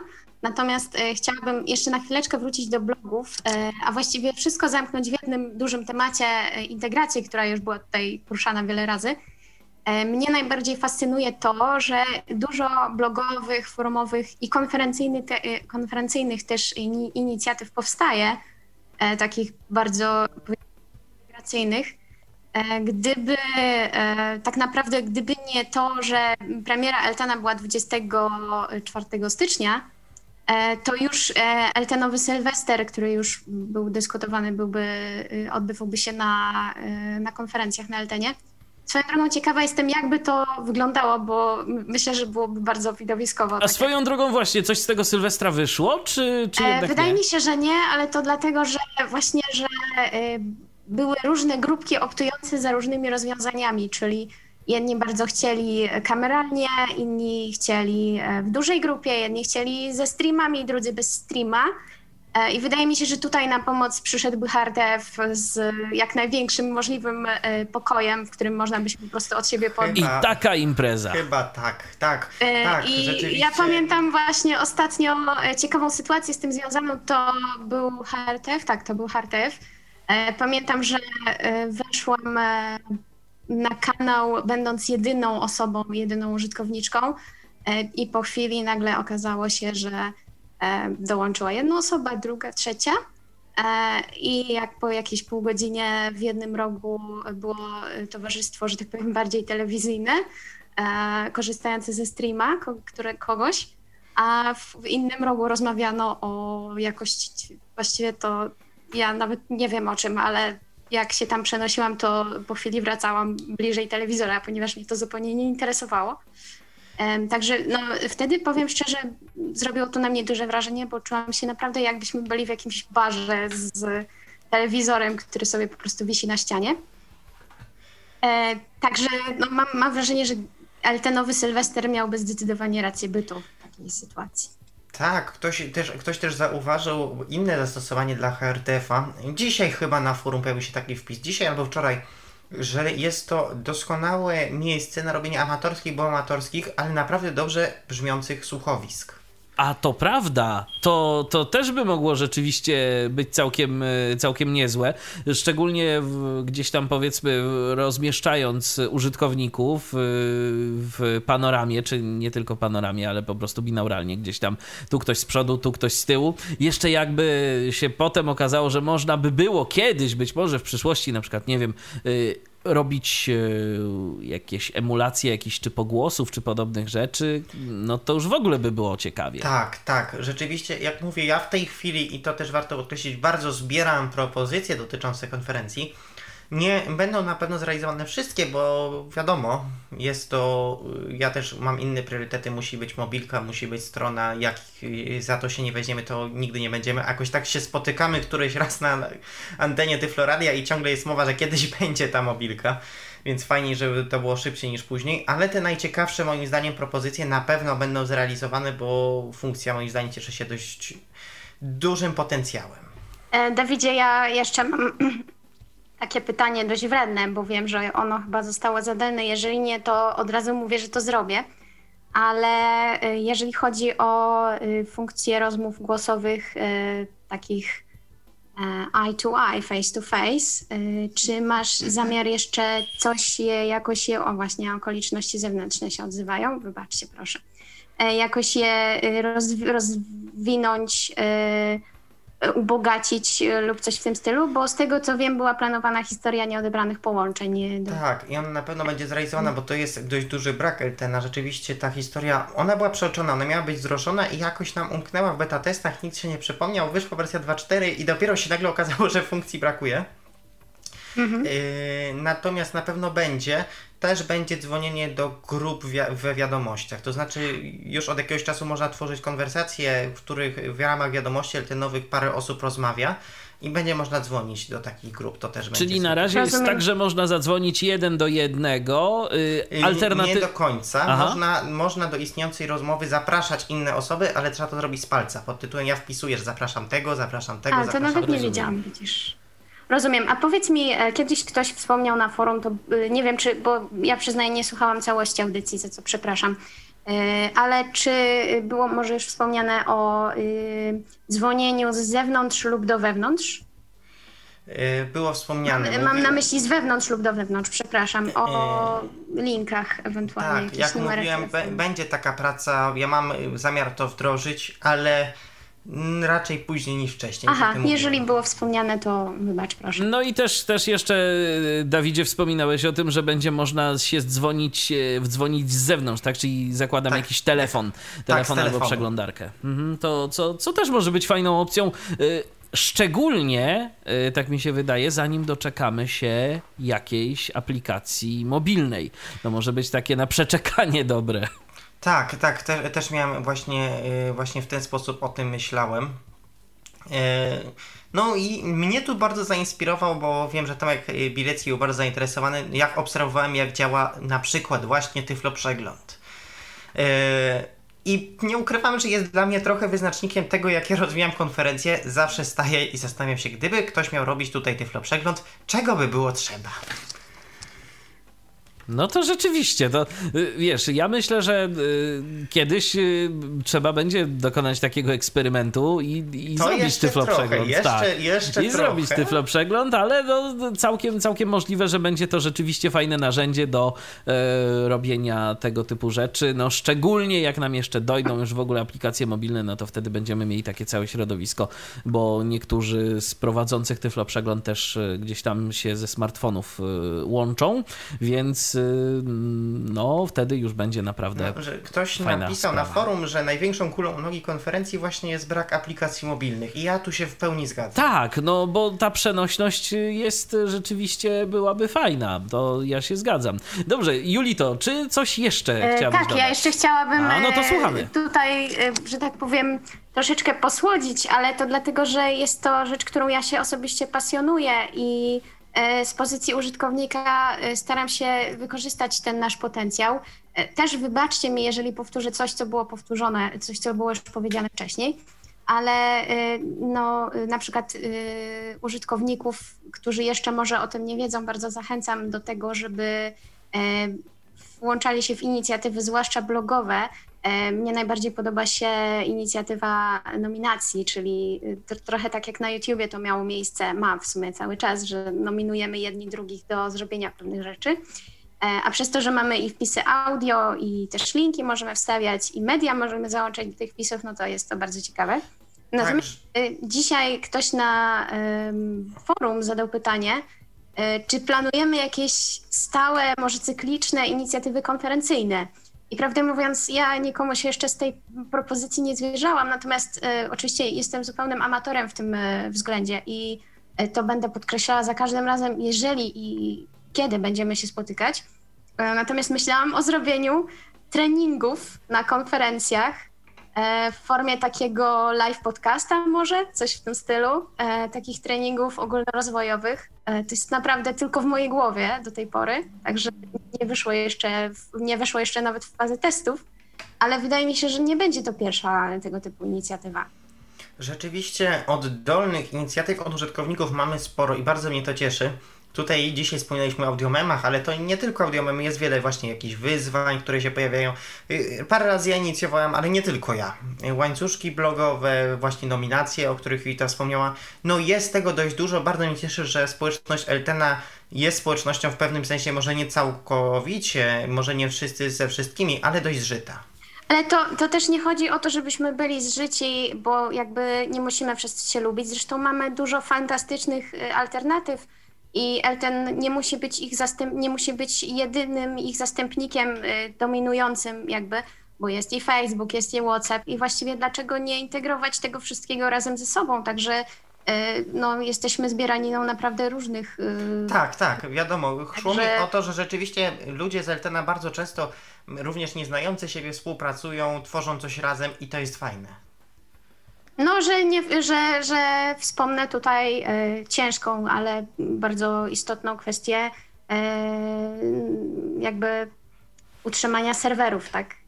Tak, no tak, chociażby, chociażby tak, chociażby zrzutki, które no, za każdym razem okazywały się trafione i udawało się. Teraz będzie to troszkę inaczej wyglądało i o tym na pewno jeszcze dziś powiemy, bo już tu mm, wzmiankowane kilkukrotnie funkcje premium, to mm, będzie e, sposób na jakieś takie finansowe zabezpieczenie, na stworzenie takiej poduszki finansowej, żeby tam nie trzeba się było martwić o koszta, bo nie oszukujmy się, koszta są i to wcale nie takie znowu małe, jak na projekt, który realizuje tak naprawdę jedna osoba ze swoich pieniędzy no, przez, przez długi okres czasu.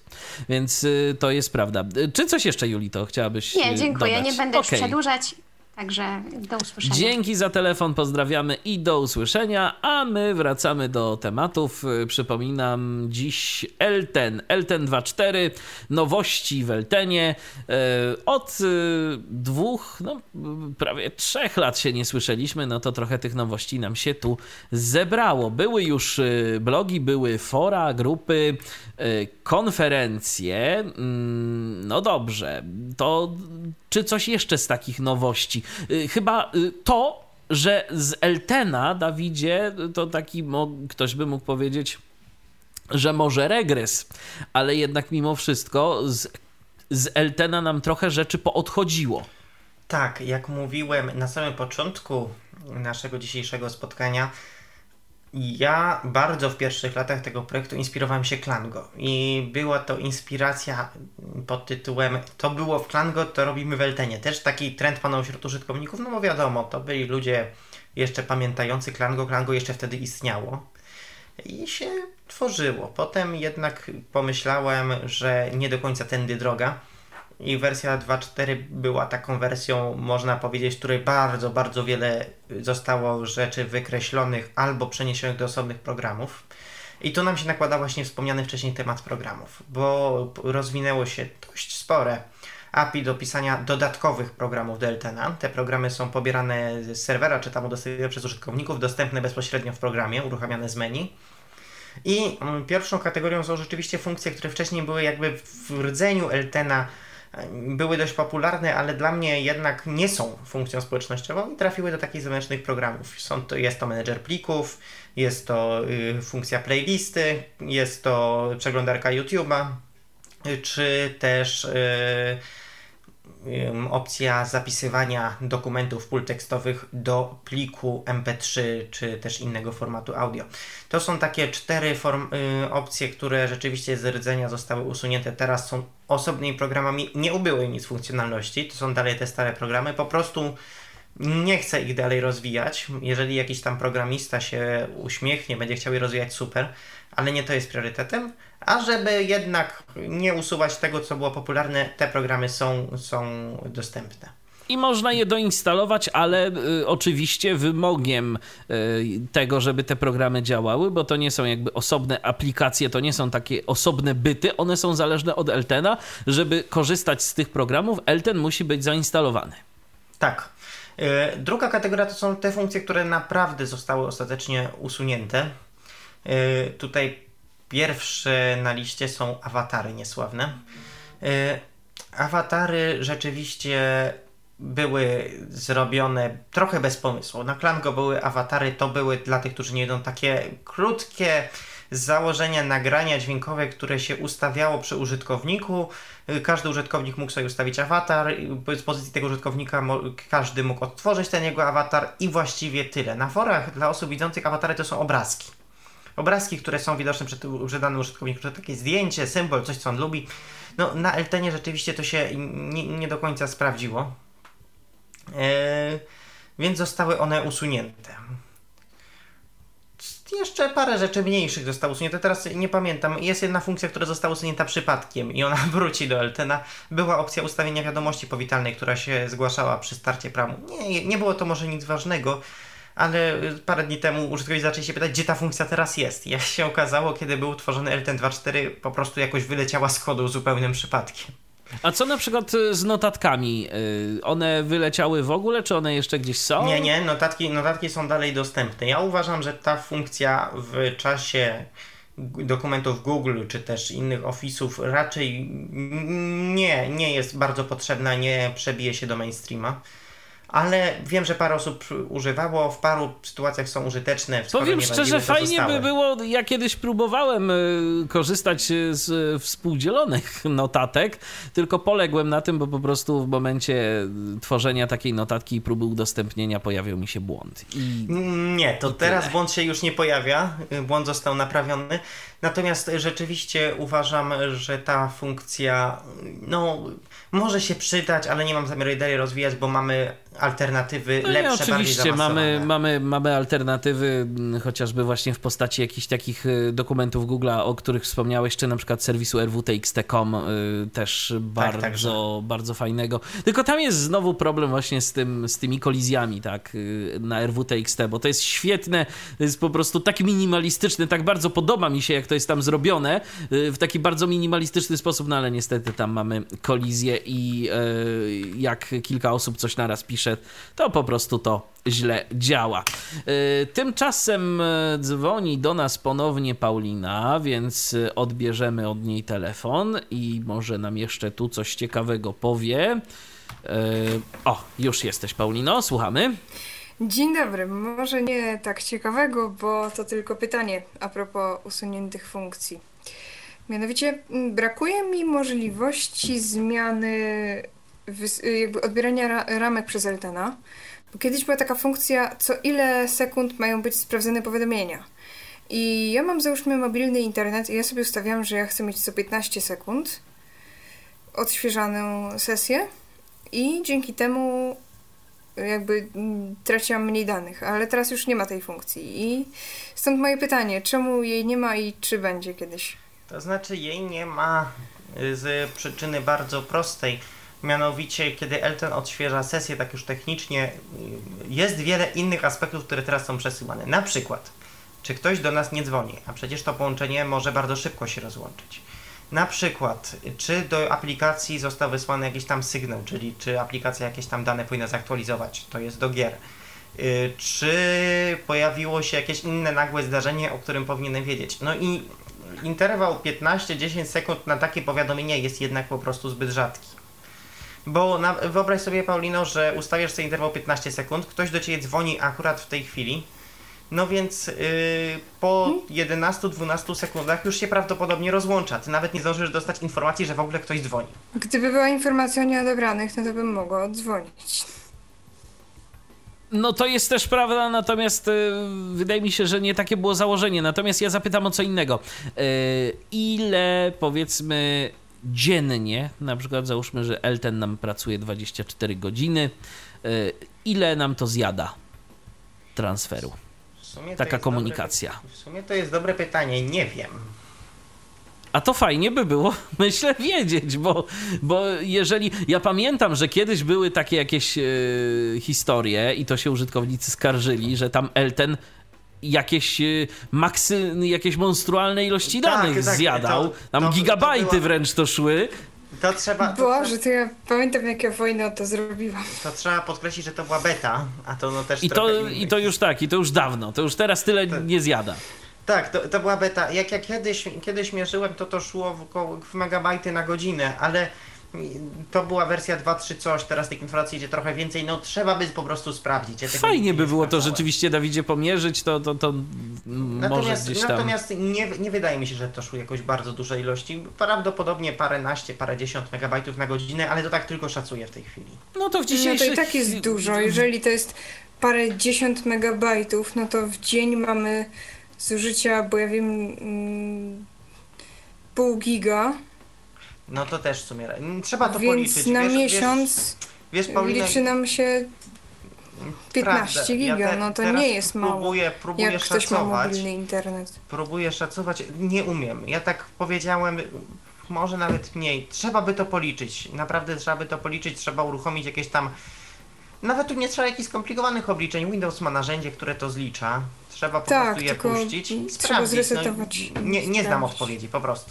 Okej, to Dawidzie, to gdybyś tam kiedyś mógł to policzyć i może na przykład Ja kom- w może komentarzu nawet pod audycją, w o, albo na przykład właśnie Paulino, możesz y, sprawdzić, ile Tylko tam muszę zjada. wtedy przez jeden dzień w ogóle nie używać Eltena. O nie, to jest straszne. Dobrze, y, bo mamy kolejny telefon, więc y, ja bym odebrał. Tymczasem Dobrze, ja Paulino, dziękuję, dziękujemy za telefon. Wpuszczamy kolejny telefon y, i to będzie rzeczywiście telefon. To co, Marcel z nami ponownie? Zaraz się okaże, mm, kto jest z nami. Halo? Halo, dzień dobry. A, Dzień O, dobry. słychać. Jednak tak, dobra. jednak Marcel, ja. jednak Marcel. Cześć, Po raz słuchamy. Nie wiem, który. Czwarty. E, Ja do tych programów e, pytanie mam trzeci. dotyczące, bo napisałem sobie jakiś czas temu jakąś taką małą apkę do Eltena, mm, z którą pisałem już też pod inne jakieś tam systemy i tak dalej, i tak dalej. Trochę w ramach testu, a trochę, bo użytkownikom to się jednak czasem przydaje. Mm, I moje pytanie brzmi, jakie kryteria musi spełniać aplikacja, żeby pojawić się na tej oficjalnej liście programów? To znaczy, yy, takie kryteria do tej pory nie zostały opracowane, bo raczej tych programów było bardzo mało. No, ja raczej wychodzę, że to musi być pełny program, bo to yy, odnosisz się do tego programu do tworzenia Tego, playlist. co ci wysłałem, tak. Tak, tak. Mhm. Wydaje mi się, że to musi być pełnoprawny program, bo to, co ty napisałeś, trochę mi przypomina taki skrypcik, jak najbardziej przydatny. Wydaje mi się, że raczej do pro, e, repozytorium programów będą trafiać pełnoprawne programy, które coś tam więcej robią, ale nigdy takie ustalenia nie powstały, bo nigdy taki program nie powstał, więc dopiero jak Mm, zaczną To się... znaczy, wiesz, ja uważam, że... Nie no, Dawidzie, no to Dlaczego- wydaje mi się, że właśnie w tym momencie powstał i trzeba się zastanowić, czy. Trzeba, tr- tak naprawdę myślę, że to jest temat do poruszenia na forum, bo... Tak, bo kwestia po prostu wygląda w ten sposób, że dlaczego nawet takich małych skryptów nie robić, skoro takie małe skrypty są wypuszczane często nawet dostępne na tych różnych dziwnych stronach typu instanki.pl czy gdzieś tam, Tak, e, gdzie to- program to na też- przykład, nie wiem, waży kilka kilobajtów i jest popularny, bo jest, służy do jakiejś konkretnej rzeczy. Tak, ja to więc uważam, rzeczywiście- że nawet małe skrypty mają sens w tych programach, żeby się znajdowały. Znaczy, pro, problem w programów Eltena niestety jest taki i trzeba go, to ktoś ostatnio zasygnalizował i trzeba go poruszyć, jest taki, że program nie bardzo y, może mieć opis. Y, w tej chwili program ma nazwę, która coś tam może powiedzieć, numer wersji i na tym niestety informacja się kończy. I to jest coś, co też trzeba do, y, jakby rozwinąć, bo jak my zaczniemy dopuszczać takie skrypciki, to się okaże, że użytkownicy wchodzą na listę programów i dostają informację 157 programów i o, więc myślę, że trzeba tu coś więcej dopracować. Mhm. Y, Sekcja programów Eltena y, nigdy nie była, przyznaję, jakoś bardzo, bardzo y, priorytetowo traktowana, również ze względu na małe zainteresowane funkcją. Trochę szkoda, ja zamierzam, już kiedyś o tym było mówione, zamierzam umożliwić też pisanie programów w paru innych językach. Myślę, A że... tak, to czytałem na forum. Tak, myślę, że priorytetem teraz, jeżeli chodzi o takie właśnie skrypciki, powinno być nawet nie umieszczanie w oficjalnym repozytorium, tylko stworzenie formatu plików, tak jak ma NVDA, gdzie są wtyczki i nie ma instrukcji pod tytułem pobierzcie, zainstalujcie y, wtyczkę, y, która y, no, trzeba ją rozpakować w tym i tym folderze, upewnić się, że struktura plików jest taka i taka, tylko rzeczywiście stworzyć jakieś rozszerzenie, które pozwoli na automatyczne instalacje. Natomiast to, co trzeba tu podkreślić To na znaczy, pewno... wiesz, ja uważam e, w tym momencie przynajmniej, że właśnie rozdrabianie się na programy i skrypty osobno, kiedy tak naprawdę są na liście cztery aplikacje i chyba jestem pierwszy, który faktycznie napisał e, coś i to zgłosił, no nie ma troszkę sensu, dopóki to się nie powiększy. A czy y, LIS, czy jakby nazwa tego programu ma jakąś, nie wiem, y, wymuszoną liczbę znaków, y, jakąś bardzo małą? Nie, nie. Natomiast tu jest właśnie problem, do którego chciałem przejść tłumaczenie. Tak na pewno wszystkie programy, które będziemy umieszczać i to jest na pewno warunek, który pojawi się, to jest to, że ten program musi korzystać z API tłumacznego Eltena, żeby można było po prostu go przetłumaczyć na inne języki, bo musimy pamiętać, że Elten to nie tylko osoby znające angielski i nie tylko Polacy. No tak, Bo to jest na pewno rzecz na to, na to nie wpadłem, mówiąc szczerze. Natomiast jak będzie już dostępne to API programów, y, w sensie tam dokumentacja cała, to będzie właśnie też y, wspomniane o tych tłumaczeniach? Tak, no, jak mówiłem, pojawi się API i będziemy też dyskutować o tym, jakie programy dopuszczamy do samych programów, czy dzielimy to na kategorie. Będą takie dyskusje na forum i ja na pewno ten temat poruszę. No to będzie też zależeć od zainteresowania, ale jak pojawi się dokumentacja API, na pewno będziemy o tych wszystkich dyskusjach rozmawiać. Na tą dokumentację już zacząłem pisać, tylko no wiadomo, są błędy zgłaszane, jest rozwój programu, ale na pewno No wiadomo, ciągu, to ciągu paru... osoba, żeby jedna osoba ogarnęła wszystko, to niemożliwe praktycznie. Tak, ale na pewno... Bo na pewno... musiałbyś, musiałbyś mieć cztery ręce i cztery głowy, żeby słuchać Oj. czterech syntezatorów. I dobę 48-godzinną. Ale na, na pewno, na pewno No ta dokumentacja się pojawi i jak pojawi się dokumentacja, będziemy o tych, tych sprawach rozmawiać, bo no jest to ważne. Na przykład Elten ma parę fajnych rzeczy, o których no będziemy wtedy mówić, jak chociażby proste API do HRTF. Ale ten ma w ogóle parę fajnych easter eggów. A to już... O ile jeszcze działają w nowej wersji, bo już nie pamiętam. A ja- Działają, nie sprawdzałem. A to musisz sprawdzić. Ja, ja, ja, e, oficjalne wsparcie techniczne nie udziela informacji o easter eggach. No tak. Easter eggi, czyli po prostu Fajny, jak chodzi właśnie o rozmowy. Easter eggi, To tyle czyli mogę powiedzieć, ukryte... żeby ludzie sami odkryli. To jeszcze dodajmy, to takie ukryte funkcje, które po prostu, y, albo ukryte zabawne różnego rodzaju zachowania programu, które, Dokładnie. które trzeba wywołać w jakiś konkretny, specyficzny sposób. No to tak, to tak tylko jeszcze mówię dla tych, którzy nie wiedzą, czym są te easter eggi, y, kiedyś zdecydowanie Jakby bardziej popularne. Teraz, wątek chyba. teraz, teraz to tak troszkę mniej, ale no właśnie, odsyłamy do forum. Jest wątek. Dokładnie. Okej, Marcelu, to byłoby dzięki wszystko. za telefon. Dziękujemy. Pozdrawiamy i do usłyszenia. Jakby ci się coś tam jeszcze przypomniało, to wiadomo, to dzwoń. Zapraszamy. Wiadomo. No, do usłyszenia, zapraszamy Ciebie, zapraszamy również e, pozostałe osoby, które nas tu słuchają, które są z nami i które dziś e, chciałyby również coś o Eltenie dodać. Na przykład może po prostu się podzielić jakąś taką informacją, jak też Wam się z Eltena korzysta. No dobrze, czyli to z nowych funkcji tak naprawdę to jest chyba tyle. Yy, chyba, że jeszcze coś na przykład yy, do wiadomości doszło nowego, to coś znaczy, o wiadomościach. Jest, jest bardzo dużo drobiazgów. Ja sam ich wszystkich nie pamiętam. Jak ja pisałem listę zmian, bo niestety w yy, etapie wydawniczym każdego programu przychodzi ten smutny moment, kiedy trzeba napisać changelog. No tak. Więc, więc kiedy zaczynałem pisać listę zmian, to tylko siedziałem na forum i zastanawiałem się, to już było, czy tego jeszcze nie było, a i tak się potem dowiedziałem, że paru wpisów w logu brakuje.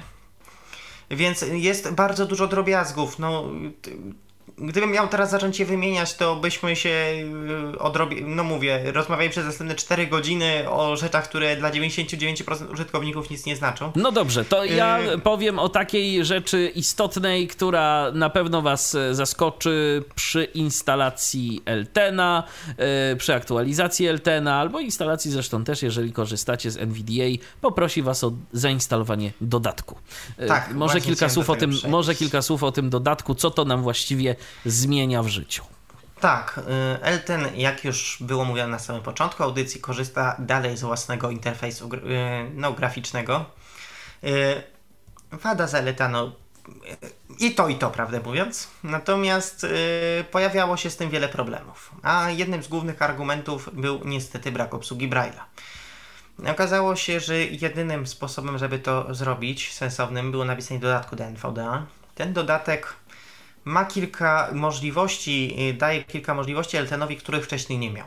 Głównym takim, yy, główną taką nowością jest rzeczywiście obsługa linijek brajlowskich, czyli po prostu można czytać yy, braillem to, co jest w Eltenie napisane i to działa. Drugą taką nowością jest rzecz z kolei ważna dla mnie, bo ja osobiście linijką brajlowską posługuję się raczej rzadko i raczej przy dłuższych tekstach, ale jest to, że kiedy NVDA NVDA czyta, po prostu y, kursor podąża za czytanym tekstem. To było ważne i irytujące, kiedy mieliśmy, nie wiem, długi wpis na blogu na 50 tysięcy znaków. Coś nam przerwało, bo przyszło powiadomienie z jakiejś aplikacji albo coś i zastanawiać się, gdzie myśmy skończyli, czy to było 20 tysięczny czy 40 tysięczny znak, szukać w wyszukiwarce. Nie, bo kursor tutaj... wtedy lądował na początku tekstu, zdaje się, tak? Tak. Tak. Y, odkąd wyszedł dodatek, yy, kursor śledzi czytany przez NVDA tekst i jak najbardziej to działa. Jest też kilka mniejszych nowości, na przykład działają skróty z NVDA, czyli jeżeli ktoś ma czytał układ desktop i są to skróty insert ze strzałkami, czy to laptop insert L, insert A, można ich używać w LTNie, żeby trochę to yy, ujednolicić. Ja już mówię, zanim tu się sypną nam informacje, że zdaję sobie sprawę, że u kilku osób wystąpiły problemy z dodatkiem, jednakże na razie u większości nie. I ja staram się ten problem rozwiązać. Wydaje się, że po prostu dodatek nam się gryzie z jakąś wtyczką. Więc po prostu trzeba to przeanalizować. Jeżeli występuje taki problem, no to zgłaszajcie na forum, jak rozumiem. Tak, dokładnie. Tak, tam najlepiej i no, może coś uda się wychwycić, co tam niedobrego się dzieje. Skoro mowa o dużych różnicach Eltena, to o jednej dużej różnicy zapomnieliśmy Aha. wspomnieć. To jest e, sprawa bardzo, można powiedzieć, nieistotna dla większości osób, ale ja będę uważał ją za istotną, mianowicie Elten zmienił licencję. Elten Z jakiej wersji... na jaką? Przed Eltenem wersji 2.4 mieliśmy licencję Open Public License. W tej chwili jest to znana General Public License wersji 3. I co e, to, to jest... oznacza? Tak, to jest licencja, na której działa innymi NVDA, na której wiele programów działa po prostu umożliwia dowolne, pod pewnymi warunkami, które nie będę się teraz głębiał, modyfikowanie kodu LTNA, wydawanie zmienionych wersji LTNA i tak dalej, i tak dalej, czyli po prostu jest to licencja wolnego oprogramowania, która sprawia, że kod LTNA, bo LTN jest oprogramowaniem otwartoźródłowym, każdy może sobie zmodyfikować. Jeżeli doda jakąś funkcję, może albo wysłać ją na GitHuba w ramach y, tak zwanego systemu pull requests. Ja ją przyjmuję albo odrzucam. Może tworzyć swoje wersje LTN, gdyby na przykład za parę lat LTN przestał być przeze mnie rozwijany, nie ma najmniejszego problemu może rozwijać LTN, może go implementować. No jest to bardzo liberalna pod tym względem licencja, chociaż i tak na tle licencji wolnego programowania najbardziej wolna to ona nie jest. No tak, bo zdaje się chyba najbardziej wolna to jest BSD, tak? Yy, BSD licencja. albo MIT. Mhm. Natomiast ja zapytam o jedną rzecz, bo wspomniałeś o tym, że każdy może rozwijać, może y, modyfikować to oprogramowanie, ale to dotyczy się klienta, bo mamy klient i mamy serwer. Tak, to dotyczy się tylko klienta. Serwer jest również otwartoźródłowy. E, serwer jest również otwartoźródłowy, ale pozostał na poprzedniej Open Public License. E, czy serwer także przejdzie na GPL-a? Być może tak. Jeszcze, jeszcze nie podejmowałem decyzji i raczej się skłania, żeby to zrobić ale nie było ani takiej potrzeby, ani takiego priorytetu, więc. Pytam o to w związku z y, Twoim wpisem na blogu, y, bo za moment przejdziemy do tematu funkcji premium i tego, że już po chwili ktoś y, udostępnił po prostu sposób, w jaki można sobie te funkcje premium mieć za darmo. Tak, ale to, to jest trochę inna sytuacja, bo czym innym jest y, jakby wpływanie na szukanie luk w kodzie serwera, czy to luk pod tytułem ja się włamuję do LTA, czy to luk pod tytułem ja y, rzeczywiście uzyskuję No tak, bo w tym momencie atakujemy nie sam program, a działającą ale, niejako ale usługę. działającą usługę, bo to, że serwer y, będzie czy nie będzie na GPL-u, to niczego w tym momencie nie zmienia. No tak. No bo ja nikomu nie zabraniam uruchomić swojego serwera, na których te funkcje są udostępnione dla wszystkich. Ale Tylko nie na, twoi, mówimy, nie na twoim, tak, nie uruchomionym na two, tak. twoim serwerze. Dokładnie. No i właśnie, i tym oto sposobem przechodzimy do tych funkcji premium, które to wywołały dyskusje dość burzliwe na samym początku, chociaż mam wrażenie, że więcej użytkowników jednak mimo wszystko rozumie e, potrzebę mm, wprowadzenia tych funkcji premium. To może zanim jakie to funkcje i co właściwie trzeba zrobić, żeby, e, żeby te funkcje mieć, to może dlaczego? Yy, głównym problemem z LTN-em zawsze był pewna niepewność. Mieliśmy zbiórki, które się rokrocznie udawały, za co bardzo zawsze dziękowałem i jeszcze raz dziękuję. No, utrzymanie LTNA to jest kwota w granicach 5-6 tysięcy. 5 tysięcy złotych za serwer, no i tam dochodzą jakieś dodatkowe rzeczy typu opłacenie domen, dopłacenie wpisów w DNS-ach, Anycast, opłacenie certyfikatów SSL. No wiadomo, więc to jest między 5 a 6 tysięcy złotych i zawsze była do tej pory, no od paru lat, ogłaszana zbiórka i ludzie rzeczywiście wpłacali. Te zbiórki się udawały, tylko jak się udawały? No, czy to w grudniu, czy to w październiku, zawsze się pojawiało już pod koniec argumenty, czy Elten będzie, czy go nie będzie, czy ma sens angażowanie się w Eltena, czy nie. Yy, czy ja mam zakładać bloga na Eltenie, jak on za pół roku może przestać istnieć. No i nie bardzo był sposób, żeby to rozwiązać. Bardzo wielu użytkowników yy, radziło, żeby Elten był płatny. Tutaj pojawiał się problem też y, z działalnością gospodarczą, aspekty prawne. Tutaj bardzo rozwiał wątpliwości Patryk y, Dering, któremu raz jeszcze dziękuję za tutaj pomoc prawno-nieprawną, y, doradczą i bardzo duże zaangażowanie w ogóle w pomysł. Powstały funkcje premium, czyli pewne funkcje, które są zastrzeżone dla użytkowników, którzy po prostu zapłacą. Osoba taką, taki pakiet płaci, jako podziękowanie dostaje pewne opcje, pewne możliwości. No i oczywiście opłaty są przekazywane na serwer. Mamy w tej chwili luty. Od wprowadzenia funkcji premium minęły niecałe dwa tygodnie. I już widzę, że pomysł był bardzo dobrym strzałem, bo mamy zebraną ponad połowę kwoty. Bo wydawało się, yy, tak na samym początku przynajmniej takie były obiekcje, że a nikt nie będzie płacił, nikt nie będzie za to płacił. Tak? tak. Taki, takie były głosy. A tu się nagle okazało, że jednak nie, że. Yy, że są ludzie, którzy są gotowi zapłacić. Tak, zwykle, zwykle w takich projektach niestety najgłośniej słychać osoby, które narzekają, a te, tak. które korzystają, jakoś tam w tle są. Ja też nie wiedziałem, jaka będzie skala, też się obawiałem, że może się to nie udać, bo jednak, no jak było tu powiedziane, było bardzo wiele obiekcji. No potem przyszedł jeden przelew, przyszedł drugi przelew i no, no jak mówię, przekroczyliśmy już połowę kwoty i to z ładną nawiązką. Jeszcze dzisiaj nie aktualizowałem tego stanu, a jeszcze parę wpłat było i wpis się pojawi. Więc no rzeczywiście już jakby na połowę serwera płatność mamy. I myślę, myślę, że można optymistycznie liczyć, że jeżeli dalej to tak potrwa, to w naprawdę sensownym czasie uda się opłacić serwer i zniknie nam z LTNAT coroczny cień niepewności. No dobrze, to porozmawiajmy o tych funkcjach premium. Co dostajemy, y, jeżeli zapłacimy, ile, y, jak to wygląda? To znaczy, ja się kierowałem przy wyborze funkcji premium, były dwa założenia, które są sprzeczne niestety. Czyli z jednej strony Elten bez funkcji premium musiał być jak najbardziej używalny.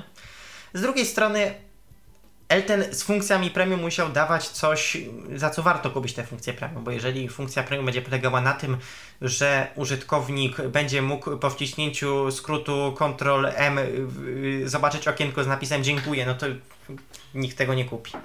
Ostatecznie powstały 3 plus 1 pakiety. Te pakiety, każdy z nich w tej chwili kosztuje 30 zł, to jest cena promocyjna. Po 24 kwietnia będzie kosztował 40 zł rocznie. E, każdy z tych pakietów zawiera mm, tam 8-9 funkcji. E, nazywają się Skryba, Courier Audiofilm. Zaraz trochę więcej omówię te funkcje. Jest taki czwarty specjalny pakiet, który kosztuje i będzie kosztować 150 zł rocznie. Jest to pakiet sponsorski, który po prostu y, prócz y, funkcji z tych y, trzech wszystkich z pakietów wpisuje nas na listę sponsorów i odpowiednio oznacza. Jest to taki pakiet pod tytułem nie tylko chcę funkcję premium, ale naprawdę chcę wspomóc Eltena i bardzo, bardzo jestem wdzięczny, bardzo mnie cieszy, że większość wpłat jest właśnie na pakiet sponsorski. Zdawało mi się, że bardziej ekonomicznie będą ludzie patrzeć, będą kupować te trzy pakiety po prostu, czyli płacić 90 zł za trzy pakiety na rok, jednak prawie zawsze jest to wpłatność na pakiet sponsorski. O to rzeczywiście bardzo dobrze, to siła w narodzie i tu rzeczywiście się z czego cieszyć. Zanim przejdziemy do omówienia y, tych różnych rzeczy, tych, tego wszystkiego, co mamy w pakietach, to spróbujmy odebrać kolejne połączenie od y, słuchacza. Jest z nami Baltim, tylko żeby jeszcze Baltim się podłączył do sesji audio. To no to już by była pełna mm, satysfakcja i pełen sukces i byśmy mogli sobie porozmawiać, bo na razie niestety no jest y, tylko widoczny. Więc okej, okay, to poczekamy aż tu nasz słuchacz y, upora się z techniczną materią. A może w międzyczasie kilka słów na temat tych pakietów, Dawidzie, gdybyś mógł powiedzieć, co tak naprawdę mamy w tych pakietach. To znaczy, tak jak mówiłem, są to już parę razy się trzy. O! Jednak, jednak, jednak szybciej nam się słuchacz technicznie ogarnął. Witaj. E, no witajcie. A propos e, używania konferencji do różnych celów, e, no to mm, muszę się pochwalić, że teraz właśnie e, siedzimy na konferencji, streamujemy sobie mm, przez kable mm, Tyflo, no, Tyflo Radio? tak, Tyflo Radio. No i właśnie teraz e, między innymi słyszę, co tam piszą niektórzy na czacie. Także fajnie siedzimy tam w 9 osób, e, czy 10 nawet. Jest to kolejne. No to do nas tu dzwońcie, do nas tu dzwońcie też. To, no to... dzwonimy. No. Tam, siedzi, tam Paulinux siedziała, także potem ci, co dzwonią, są obgadywani przez resztę, także mamy całkiem dobrą zabawę. Aha, to ci, co nie dzwonią, to się boją, że będą jeszcze bardziej obgadywani. Jeszcze bardziej, tak. tak jest, postanowiłem zaryzykować. Okej. Okay. No to, tak... to, to, słuchamy, co nam jeszcze, co nam jeszcze dodasz do, do audycji a propos Eltena? E, że jeśli ktoś zastanawia się nad e, funkcjami premium, e, czy dużo rzeczy jest przydatnych w tych funkcjach premium, czy nie, no to mogę powiedzieć, że jest to fajnie zbalansowane i osoby, które nie chcą płacić, mogą spokojnie z programu korzystać, potwierdzam. Naprawdę mm, Konferencje na, na przykład e, też są e, bardzo dostępne w opcji nie premium. No i co? I wszystkich e, zachęcam do blogowania, bo jest już kilka ciekawych blogów, a czym więcej ciekawych nowych blogów się pojawi, to też pewnie kolejne osoby będą chciały swoje blogi jakoś bardziej też rozpromowywać. No więc nie będę się jakoś specjalnie rozgadywać, ale w każdym razie zachęcam do sprawdzania blogów, for i konferencji. Okej, okay, dziękujemy Ci bardzo dziękujemy. za telefon, pozdrawiamy. No i czekamy na, na tych, którzy się jeszcze nie, nie odważyli. Tam nie obgadujcie ich za mocno, to, to może wiesz, to, to może okay. jeszcze jakiś telefon będziemy tu mieli. Dobrze, Dzięki. będziemy zachęcać. Jasne, dzięki i do usłyszenia. E, no dobrze, to wróćmy do tych pakietów. Co tam, co tam mamy ciekawego, tak przynajmniej mniej więcej tak nie więcej, bo ja sam wszystkich funkcji nie pamiętam. Kilka, kilka funkcji było wcześniej darmowych, stały się płatne. Tutaj staraliśmy, że to były funkcje niekrytyczne, że tak to ujmę. Jest też dość sporo funkcji nowych. Jak mówiłem, są trzy pakiety i nazwy tutaj trochę wskazują. Audiophil to są e, sprawy związane z dźwiękiem, czyli głównie konferencje, jak również trochę lepsza jakość prywatnych wiadomości głosowych i brak limitu czasu trwania tych wiadomości oraz, co było wcześniej, darmowe pobieranie tematów dźwiękowych. Y, tutaj od razu podkreślam pobieranie, nie tworzenie czy udostępnianie, tylko samo pobieranie serwera, sama przestrzeń serwerowa na te tematy dźwiękowe. E, drugi pakiet to jest pakiet kurier, który jest związany właśnie no, z tym, co robi kurierzy, czyli z przekazywaniem informacji, więc mamy tutaj e, stare, znane jeszcze kiedyś w wersji darmowej śledzenie forów, nie wątków forów. I w wersji nowości, czyli śledzenie wpisów na blogach, informowanie o historia wzmianek, odpowiadanie na wzmianki. Wzmianki to była taka funkcja, nie wiem czy wszyscy kojarzą w Eltenie, że komuś można wskazać jakiś wpis, czy to na forum, czy to na blogu, zobacz, tutaj możecie zainteresować, o to pytałeś. I ta osoba jakby widzi to powiadomienie i może wskoczyć prosto ten wpis. No trzeci pakiet to jest pakiet Skryba, on jest dedykowany głównie dla właśnie blogerów do pisania. Tam są takie aspekty związane z większą konfiguracją WordPressa, czyli czy to możliwość wykupienia y, oczywiście osobno domeny własnej dla bloga, o czym mówiłem, czy to E, co było jeszcze skrybie, sprawdzanie pisowni przez Windowsowe API, system sprawdzania pisowni, system tłumaczenia i tak dalej. A w pakiecie sponsorskim, jak rozumiem, mamy to wszystko. Tak, tak. Pakiet sponsorski zawiera wszystkie trzy pozostałe pakiety i wpis na listę sponsorów. No to rzeczywiście 150 zł, no to jest. E, z jednej strony ktoś mógłby powiedzieć dużo, ale z drugiej strony tak naprawdę, no mm, robimy coś w szczytnym celu, wspieramy, e, wspieramy Eltena, wspieramy rozwój e, aplikacji, rozwój usługi. No właśnie, mm, a co w sytuacji, jaki, jaki masz plan, jeżeli na przykład okaże się, że po prostu tych wpłat jest naprawdę dużo, dużo i mm, jeżeli się okaże, że po prostu mamy w tym momencie, dzięki tym opłatom, większe możliwości? Czy to będzie taki, że już będzie zapas finansowy na kolejny rok? Czy planujesz jakieś dodatkowe inwestycje? Coś dzięki temu uda się przyspieszyć na przykład w, w tworzeniu aplikacji albo może jeszcze co innego? Bardzo tutaj myślałem, o tym jeszcze nie mam żadnej decyzji, bo najpierw niech będzie. No, to jest tak, jak się mówiło, że myślał indyk o niedzieli ale rzeczywiście też już świtały mi te pomysły. Chciałbym coś z ewentualnym nadmiarem finansowym zrobić, bo raczej założyłbym, że skoro się udało w tym roku, osoby są zainteresowane funkcjami premium, to większość z tych osób będzie zainteresowana także w roku przyszłym. Natomiast niestety nie widzę opcji na przyspieszenie działania pro, yy, rozwoju projektu. No to raczej to nie są, będą tego typu kwoty. To są, to są, za duże kwoty, tu musiało tak. pójść parę dziesiąt tysięcy. Ja to... Tak, dokładnie. Ja pamiętam jak y, była kwestia stworzenia strony internetowej y, i jak dostałeś wyceny. No niestety. Niestety, niestety programiści się cenią y, i raczej w to tutaj szans nie widzę. Natomiast jest kilka innych spraw, które można zrobić. Y, jak byłam, niektórzy użytkownicy może pamiętają, był plan, żeby powołać fundację, która będzie zajmować się LTN-em. Ten plan, mam nadzieję, jest dalej aktualny. To nie jest żadna obietnica, to zależy od tego, jak wpłaty będą się kształtować od wielu aspektów, ale raczej jeżeli będzie nadmiar wkład, jeżeli szybko się zbierze ta kwota, będziemy chcieli powołać fundację. No i tak naprawdę prędzej czy później będzie to musiało wypalić, żeby Elten miał jakąś osobowość prawną. Żeby miał osobowość... A, Elten, a niekoniecznie Elten był tobą, bo to też y, w kwestii chociażby twojego jakiegoś takiego zabezpieczenia y, jako administratora, tak? Bo to... Tak, jest, jest, więc raczej jesteśmy za powołaniem takiej fundacji. No to, co nas w tej chwili zatrzymuje, to jest właśnie budżet, który trzeba jakby wnieść na początek. Zgadza jest, się. Parę, jest, jest parę pomysłów, tutaj nie, nie, chcę, nie chcę, żeby to było jako obietnicy traktowane, to są pomysły podrzucane przez różnych, e, różne osoby z Rady Starczych, przed użytkowników.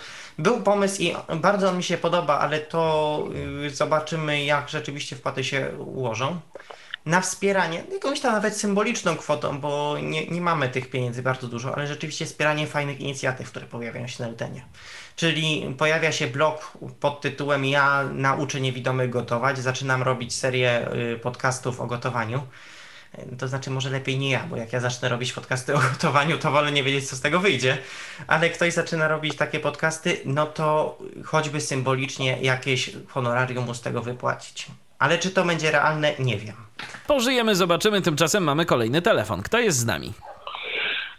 E, to ponownie ja. Cześć wam. Cześć Mateuszu. Ja tylko, ja tylko tak na krótko, bo chciałbym, bo ta, ta funkcja może nie jest aż tak ważna dla, Dawida, dla Dawida, ale dla użytkowników jest. Chciałbym, żeby, żeby Dawid po prostu wspomniał o przewodniku dotyczącym dźwięku, dotyczącym dźwięku prawda? Czyli yy, ja nie, nie będę tutaj zbyt dużo mówił. W każdym razie chodzi o to, że w Altenie jest taki przewodnik po dźwiękach, co dane dźwięki oznaczają podczas poruszania się, czyli na przykład jaki dźwięk mamy podczas pisania, gdy pisze moderator z Rady Starszych i tak dalej na, na forum jakiś post, prawda? I, i chciałbym, żeby Dawid o tym wspomniał, bo, to jest może nowa funkcja, ale dosyć istotna. To jest taka moja, moja pierwsza funkcja, która mi się rzuciła w oczy. A druga funkcja to jest, yy, je, jeśli chodzi o Eltena, o już wiem, to są szybkie akcje, czyli powiedzmy przypisujemy sobie jakiś skrót do danej czynności i na przykład będąc gdzieś indziej zupełnie, możemy do tej czynności wejść przy użyciu danego skrótu. Że jeżeli gdzieś zboczyliśmy i chcielibyśmy z powrotem z forum na konferencję yy, wejść, powiedzmy, żeby się rozłączyć albo, albo żeby tam zobaczyć to na konferencji jest, no to możemy bez względu na to, gdzie jesteśmy, wcisnąć ten skrót klawiszowy, który zdefiniowaliśmy i jesteśmy z powrotem na jakby w danej akcji, którą zdefiniowaliśmy jako szybka akcja i którą przypisaliśmy. Powiem Tak. że też jak na forum y, jakby jak pierwsze, to jest pierwsze, co mi się rzuciło w oczy, tak? Szybkie akcje, że nie mamy od razu społeczność i tak dalej, że musimy klawisz Alt, że tam naciśnij Alt, aby otworzyć menu, tylko od razu mamy szybkie akcje i po prostu mm, to, co jest najbardziej popularne, zostało wyciągnięte jakby na wierzch. Dobrze myślę o tym, Dawid, czy nie? Tak, to tutaj może Jeśli po kolei, bo były, były, były dwie funkcje wspomniane. Pierwsza to jest drobiazg. Rzeczywiście to jest coś, czego brakowało w Eltenie, w Eltenie w wersjach poprzednich, 2.4. Jak wejdziemy w menu pomoc, mamy rzeczywiście coś takiego, co się nazywa przewodnik po dźwiękach. Otwieramy ten przewodnik, poruszamy się strzałkami, wciskamy spację i możemy po prostu najzwyczajniej świecie usłyszeć, co dany dźwięk oznacza. Czy to, że wątek jest zamknięty, że przyszła nowa wiadomość. No, po prostu ściąga, co się dzieje. Y, Natomiast szybkie akcje to jest dużo większy temat. To znowu była trochę zaszłość z Klango. Pewnie użytkownicy Klango pamiętają, jak się uruchomiło program, mieliśmy taki komunikat, on się chyba nazywał klawisz Alt otwiera menu, czy jakoś tak? Tak, klawisz Alt otwiera menu, tak. Tak, i, się, i tak naprawdę to było wszystko. I żeby cokolwiek zrobić, trzeba było otworzyć to menu. I tak samo było w Eltenie. Y, To okno Eltenie, zostało tak. teraz zagospodarowane. Rzeczywiście można tam umieszczać różne rzeczy. Domyślnie jest tam parę najważniejszych, ale możemy przypinać. Nawet nie chodzi o poszczególne funkcje. Możemy sobie przypisać na przykład notatki, ale możemy też dany bezpośredni wpis, y, wątek na forum, czy tam y, całą grupę danego bloga, konwersację z danym użytkownikiem pod tytułem nie wiem jak, bardzo często z kimś piszę, więc szybko z pulpitu wywołuję z tych szybkich akcji konwersację z tym użytkownikiem i już mogę pisać, czytać i tak dalej. Y, Te szybkie akcje mogą też mieć globalne skróty, które działają w CMLT. Nie mogę sobie przepisać jakiś klawisz, którym zawsze tą akcję wywołam. To jest rzeczywiście taka dość spora nowość. Odcięcie się, tak jak mówiłem, trochę od pomysłów z Klango. Tak, a mówię wam, bo o tej, bo o tej funkcji nie, nie wspomniałeś i po prostu chciałem ci przypomnieć, że taka funkcja jest. To znaczy, ty wiedziałeś o tym, ale po prostu zapomniałeś, bo zdarzy się każdemu, a chciałem ci po prostu o tym, o tym przypomnieć, bo, bo, bo po prostu źle byłoby, gdybyś o tym nie wspomniał, a, a mała rzecz, a po Tak, tym bardziej, się- że jest to rzeczywiście coś nowego, co się pojawiło w Eltenie i y, co do czego nie wszyscy mogą nawet sobie zdawać do końca sprawę, jak to działa. I powiem szczerze, że y, dla mnie to było takie nawet swego rodzaju zaskoczenie, bo ja mam wrażenie, że to y, po prostu te szybkie akcje, to ja to traktowałem tak z początku jako takie dodatkowe menu, które tam się pojawia, tak po prostu.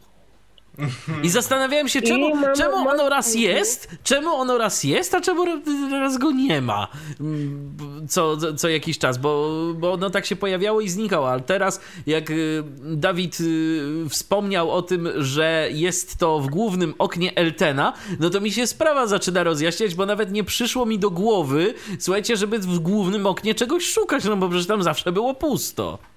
No, no właśnie, na tym polega Mhm. problem, że zawsze tam było pusto. Ja uznałem, że w końcu czas z tym skończyć. No właśnie, no widzisz, to, Mhm. to, to trzeba Yy, było uprzedzić, i kolej- powiem Mhm. szczerze. Tak. I kolejna taka funkcja to jest takie, no nie powiedziałbym, że to menu kontekstowe, no takie w pełni, ale takie próba zrobienia menu kontekstowego na Windows, czyli po prostu jeżeli mamy jakąś, jakąś e, funkcję związaną jakby jakby z forum, to ona jest jakby Ja dostępna w menu kontekstowym, tak? Też. Ja bym tego nie Takie, przyrównywał do ale- Windowsa. Paradoksalnie podejście Eltena Ja przypomina wiem, to nie, Maca. nie, to nie jest, ja wiem, to nie jest menu kontekstowe z Windows i ja o tym powiedziałem, to jest takie ala Windows, tak? Takie, no, jak mamy w Windowsie, to nie jest, to nie jest do końca menu kontekstowe z Windowsa, ale coś jakby na wzór, na kształt menu To znaczy, tak, tak jak tak? mówiłem, to jest trochę podejście, bo, bo jak, nie, nie, pewnie nie wszyscy użytkownicy wiedzą, jak z tym sobie robi i radzi Mac.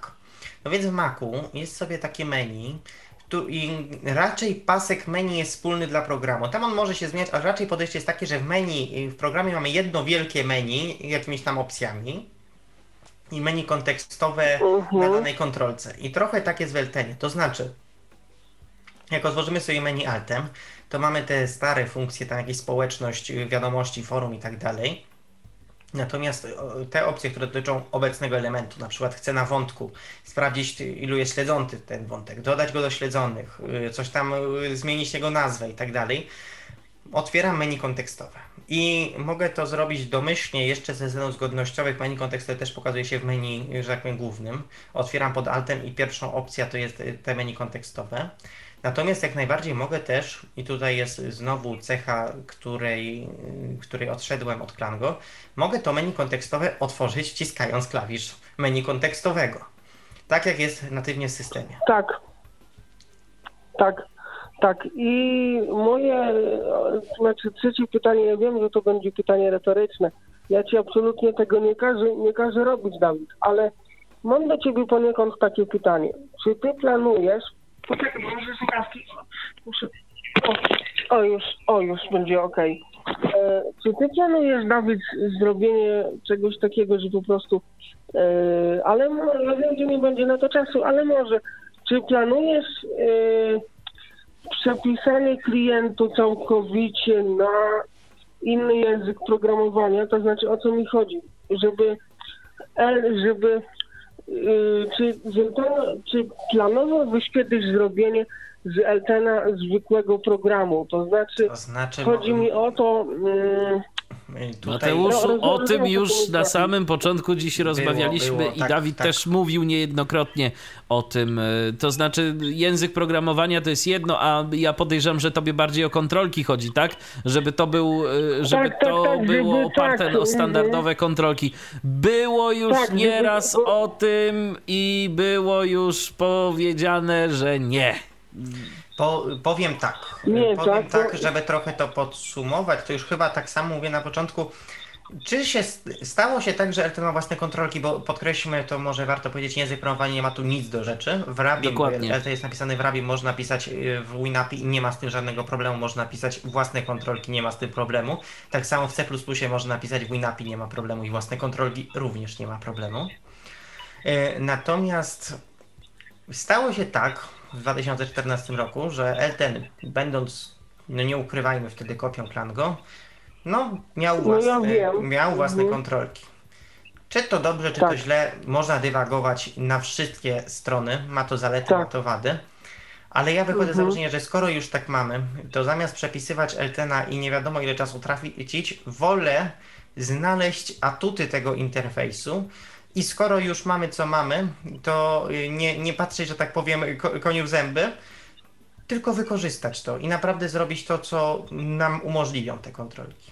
I tak będę się kierować. Tak, tylko mm, mi chodzi o zupełnie coś innego. Mamy, bo wie, wiesz o co mi chodzi, na forum jest y, debata na temat tego, czy chcemy przygarniać, że tak powiem, osoby widzące na Eltena, czy nie. No i wiadomo, że ja no, próbuję się dostosować do osób widzących. Chociaż na Altena wchodzę coraz częściej, bo mi się zmieniło podejście do Altena. Już jak konferencje są i tak dalej, użytkownicy są bardziej dorośli, bo na Klango było tak To znaczy, było Mateuszu, ja myślę, że.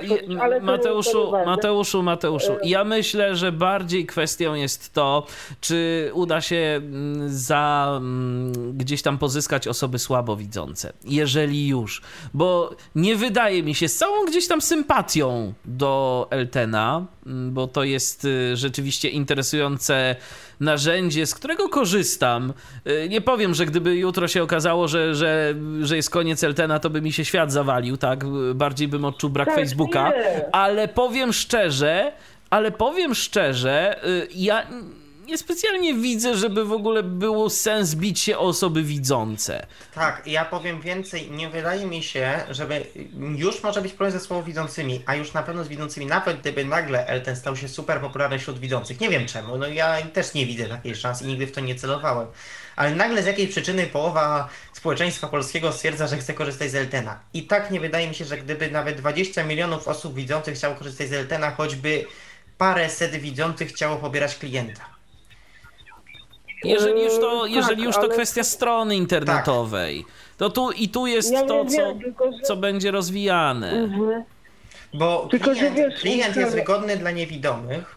Może dla słabowidzących tutaj się nie wypowiem, bo nie jest osobą To znaczy, no słabowidzące to chyba osoby to, to w ogóle nie bardzo są w stanie z klienta korzystać, bo tam się nic nie Mówię, wyświetla, tak? yy, Miałem na myśli potencjalnie. Jeżeli był kontrolki dostępny. byłyby, tak? Standardowe Tak, Windowsowe. ale i tak nie jestem wcale taki pewien, bo już te osoby często korzystają ze strony.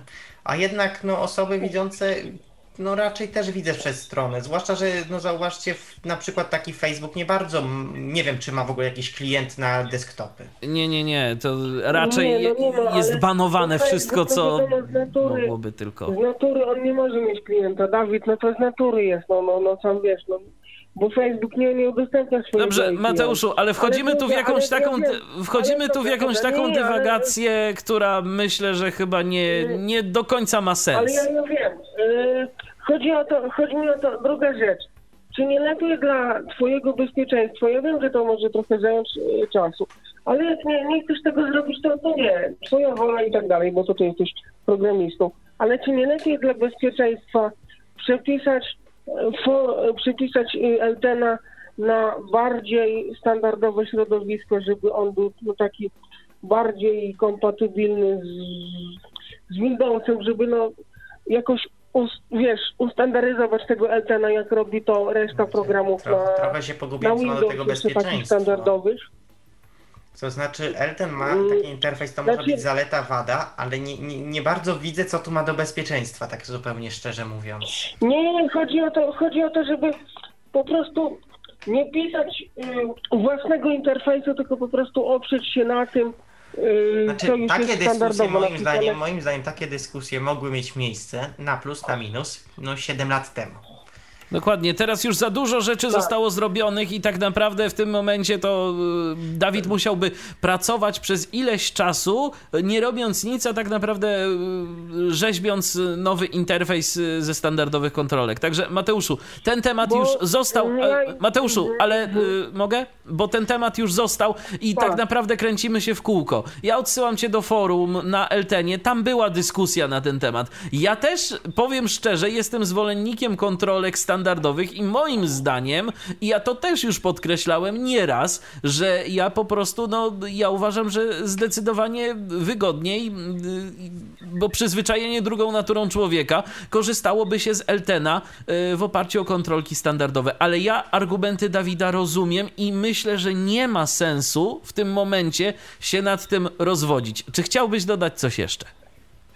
Bo chciałbym jeszcze powiedzieć, że y, nie wiem, nie wiem jak u mnie, ale jeżeli by się, ja wiem, że się tego nie zrobi, ale gdyby się Eltena jakimś cudem przypisało na środowisko typu .NET... Mateuszu, chodziło mi o to, czy chciałbyś dodać coś jeszcze poza tym tematem, bo naprawdę, y, no kręcimy się w No kółko. dobra, Bo chodzi, ja wiem, bo chodzi mi o to, żeby Elten wtedy mniej, mniej zasobów y, procesora jakby Oj, potrzebował, jakby się na Mm, standardowe To, to tak naprawdę jest temat na zupełnie inną, au, zupełnie inną audycję, bo to ile zużywa Elten nie wynika w żaden sposób ze środowiska, tylko A z silnika, czyli RGSS-a i z paru innych czynników, o których teraz nie chcę się wdawać, bo są to już technikalia. Dokładnie. Y, Tak, tak, ja wiem, dobra, dobra, to ja już nie, nie chcę w takim razie dodawać, pozdrawiam Was serdecznie i życzę jak najbardziej Dawidowi powodzenia, bo to nie jest tak, że ja Dawidowi jakby przy, przytykam to, że, że ale te, nie, ale to nie, to, to, to nawet nie, nie, to nie o to chodzi Mateuszu, to po prostu jest kwestia, która już była tyle razy poruszana, że to znaczy, naprawdę... To znaczy,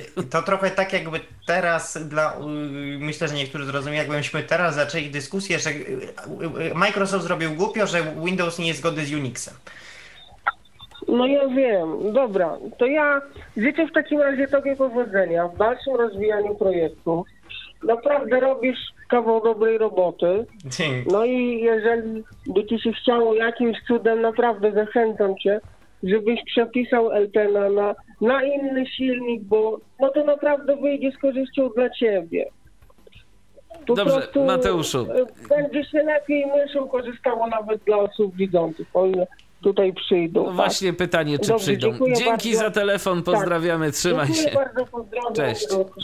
Dobrze, a tymczasem zaglądam do naszych e, wypowiedzi, właściwie do waszych wypowiedzi na kontakt tyflopodcast.net, e, bo troszkę się ich tu zebrało w międzyczasie, tak się skupiliśmy na odbieraniu telefonów od słuchaczy, a tu piszecie, na Facebooku jakoś nie piszecie, tak chyba jakoś tak użytkownicy Facebooka są średnio zainteresowani Eltenem e, i by być może vice versa. E, Pates do nas napisał, to tak jeszcze a propos tej walki e, na obiekty audio. E, tak, to była dobra zabawa na becie. Jakieś kaszle, mruczenia, karabiny i tym podobne, zwłaszcza na binauralce, to brzmiało pięknie. Napisał do nas kod. Nie pamiętam, czy już było, ale zmienił się wygląd interfejsu programu, jak jego ustawień. No o interfejsie to troszeczkę wspomnieliśmy co do tych ustawień. Możesz się, Dawidzie, jakoś jeszcze odnieść? Rzeczywiście zmienił się wygląd nie tylko ustawień Eltena, ale wszystkich sekcji, gdzie są ustawienia, czyli ustawienia Eltena, ustawienia grupy, ustawienia bloga, ustawienia konta. Teraz to wygląda trochę tak, jak wygląda na przykład w NVDA, czyli mamy po prostu listę kategorii, po której przesuwamy się strzałkami. Y, poruszamy się klawiszami strzałek i pod tabulatorami w zależności od wybranej kategorii mamy odpowiednie opcje. Wcześniej było tak, ja tego już prawie nie pamiętam, że było menu ustawienia i w tym menu ustawienia były jakieś tam sekcje ustawienia ogólne, ustawienia głosu i dopiero tak po bardziej wybraniu... jak w Klango. Tak, i dopiero po wybraniu tych ustawień się prezentował odpowiedni interfejs. W tej chwili jest to wszystko w jednym, jednym wspólnym okienku. Okej, okay. i mam jeszcze jedną wypowiedź, bo słuchaczy już mamy, to zaraz będziemy odbierać. E, napisał kot do nas ponownie. Kolejną zaletą LT-nowych blogów jest chociażby dobry start, gdyż łatwo jest na LT-nie pozyskać pierwszych czytelników. I to się zgadza, tak, bo to, bo to jest fajne to, że już od razu mamy jakąś taką grupę ludzi, y, którzy będą czytać to, co będziemy tak. pisać. Tak. Nie mamy tego takiego, mm, takiej konieczności od razu bawienia się w pozycjonowanie. To z czasem może przyjść, ale tak, ja też, też uważam, no dlatego też trochę mi żal, że ta funkcja na razie jakoś tak spadła jej popularność, bo y, y, rzeczywiście i wychodzimy z bazą użytkowników, i z bazą, że tak powiem, techniczną dobrą, i z bazą rozwijania oprogramowania. Możemy skupić się na treści. Jeżeli ta treść będzie się podobać, rzeczywiście możemy zacząć myśleć o jakimś SEO, ale jakby ten start, to wszystko na początek jest dużo lżejsze. Nie musimy się zastanawiać, gdzie kupić hosting, jak skonfigurować tego WordPressa, jak zacząć, czy ktokolwiek. To już mamy to po prostu od startu. Takie tak. goto gotowe coś, z czym możemy zacząć zabawę. A tymczasem mamy kolejny telefon. Kto jest z nami? Witam z tej strony Kamil. Chciałem. Cześć Kamil. E, tak, cześć. E, chciałem tutaj szybko e, nadmienić, bo szkoda, że nie zostały tak precyzyjnie wylistowane wszystkie funkcje premium, bo jest jedna, jest kilka, które no nie do końca myślę, że warto byłoby umówić. Ja, ja nie podam tam wszystkiego, co wzbudziło moją wątpliwość, ale szczególnie mm, jedna zwróciła moją uwagę, bo na liście mamy coś takiego jak w jednym z pakietów E, to jest, zdaje się w kurierze ochrona e, naszych wiadomości przed omyłkowym usunięciem. E, tak, to jest propozycja, która była na forum zgłoszona przez jednego z użytkowników. Jest to bardzo prosta funkcja. Mm, to brzmi jakby była to jakieś zabezpieczenie bazy danych, nie wiadomo co. Może rzeczywiście nazwa wprowadzać błąd. Funkcja polega po prostu na tym, że zaznaczamy wiadomości dla nas ważne. Y, dla mnie jest ważna wiadomość, której ktoś mi wysłał jakieś, nie wiem, y, informacje o miejscu spotkania y, albo czymś takim. Nie chcę jej przypadkiem usunąć, więc wybieram sobie na niej w menu kontekstem opcję zabezpiecz tę wiadomość przed usunięciem. I mam dwie rzeczy. Po pierwsze, jeżeli wcisnę na tej wiadomości delete, to jej przypadkiem nie usunę. Muszę ją odbezpieczyć, otworzyć menu kontekstowe, odbezpieczyć, potwierdzić, że na pewno odbezpieczam i dopiero wtedy mogę usunąć. Ale co ważniejsze, bo możliwe jest usuwanie na przykład wszystkich wiadomości z danym użytkownikiem. Wchodzę sobie na listę korespondentów, znajduję jakiegoś użytkownika, sobie mówię, no i ja chcę, żeby tu było czysto, w tej chwili tu dużo wymieniliśmy wiadomości, usuwam je. No i zapominam, że była jakaś ważna, zabezpieczona wiadomość. No i ta wiadomość razem z innymi nie zostanie usunięta, ona zostanie zachowana. No to właśnie dobrze wiedzieć, bo tak z pozoru jak się patrzy na tę nazwę tej funkcji, to się wydaje, że to y, po prostu możemy przypadkiem stracić swoje wiadomości. A to nie tak, y, nie, nie, tak nie, działa. To jest, to jest zabezpieczenie przed naszym, przez nas usunięcie. To nie jest tak, że e, wiadomości Dobrze, po jakimś czasie giną, spokojnie. Mhm. Ja tylko jeszcze szybko, jakbyś tam kiedyś, Dawid, miał troszeczkę czasu, by można było, bo ja nadal mam niestety problem, jeśli chodzi o konferencję, że no nie mogę właściwej, to wynikać może z tego, że właśnie podobnie się karty nazywają w systemie, ale no właśnie nie mogę nie, pewne, ka, niektórej karty nagrywającej wybrać. Mogę tylko tutaj, ciągle tutaj być jest, domyślny. Tutaj jest forum błędy. Rzeczywiście, no bo my używamy w konferencjach takiej biblioteki, ona nazywa się BAS i BAS ma dość spory problem i tam trzeba będzie jakiś workaround przygotować y, z sytuacją, gdy mamy dwie karty w systemie, które mają taką samą nazwę. I rzeczywiście... Ale jedna rzecz, ale w systemie nazwy tych urządzeń można zmieniać.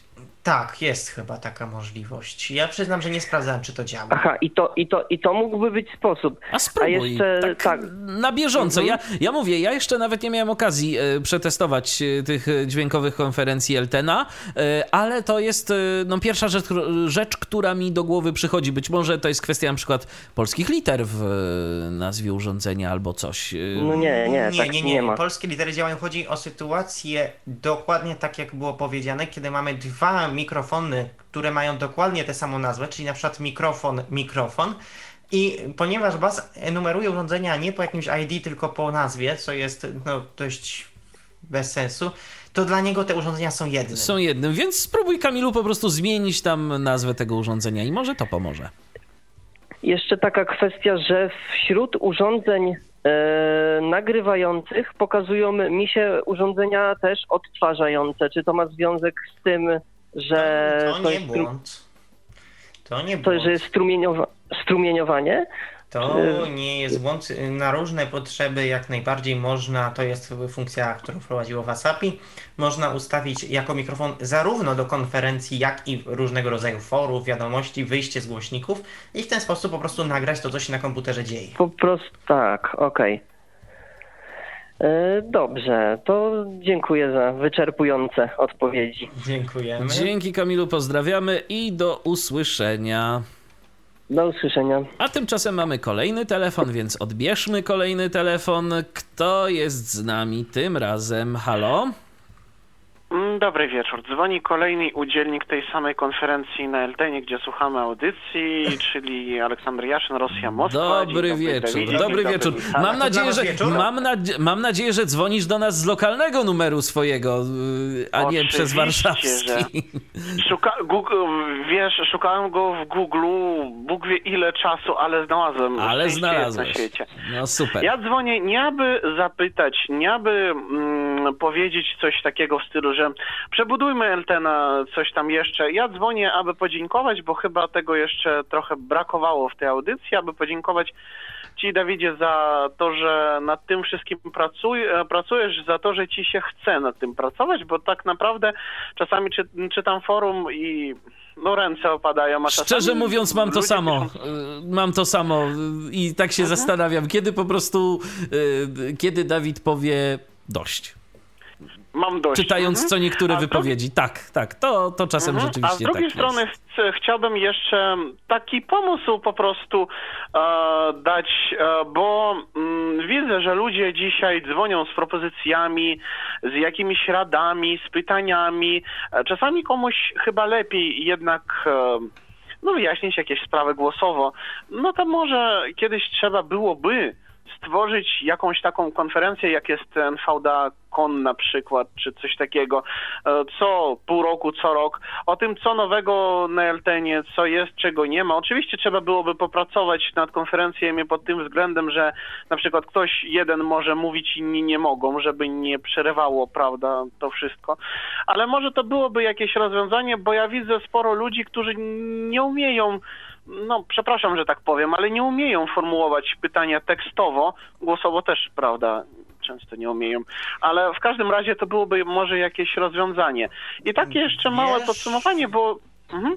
mhm Wiesz, to mhm. nie jest może głupi pomysł, ale znowu powiem to, co wiele mówiłem. Ja bym się, tylko nie na propozycję, tylko po prostu na tym forum ogólnym Elten Link, bym się podzielił informacją rzeczywiście tym pomysłem, bo on nie jest głupi, ale on umknie. Jak, się, jak go teraz nie wyartykujesz, to on umknie. Nie, no to o tym można byłoby pomyśleć, napisać, rozumiem. Po prostu podsyłam teraz propozycję, która się narodziła w mojej głowie ileś tak, tam się podoba, tylko po chwil temu, bo głupio byłoby dzwonić, aby po prostu powitać się. I druga taka mała myśl, że mm, ja bym naprawdę chciał mm, powiedzieć, że Elten bardzo mi pomógł i w sumie chciałbym po prostu powiedzieć, że za co dziękuję jakby. Elten bardzo mi pomógł w nauce języka polskiego, w tym, że mogę czytać, że mogę dyskutować, że mogę rozmawiać z ludźmi na tematy, które mnie interesują. I chciałbym zachęcić tych, którzy e, dlaczegoś z jakiegoś powodu nie chcieli kiedyś używać Altena, bo myśleli, że tam na przykład są ludzie z bardzo dziecinnymi zachowaniami, czy po prostu są dziwni ludzie, czy projekt jest dziwny. I jeszcze raz spróbować, dać mu drugą szansę.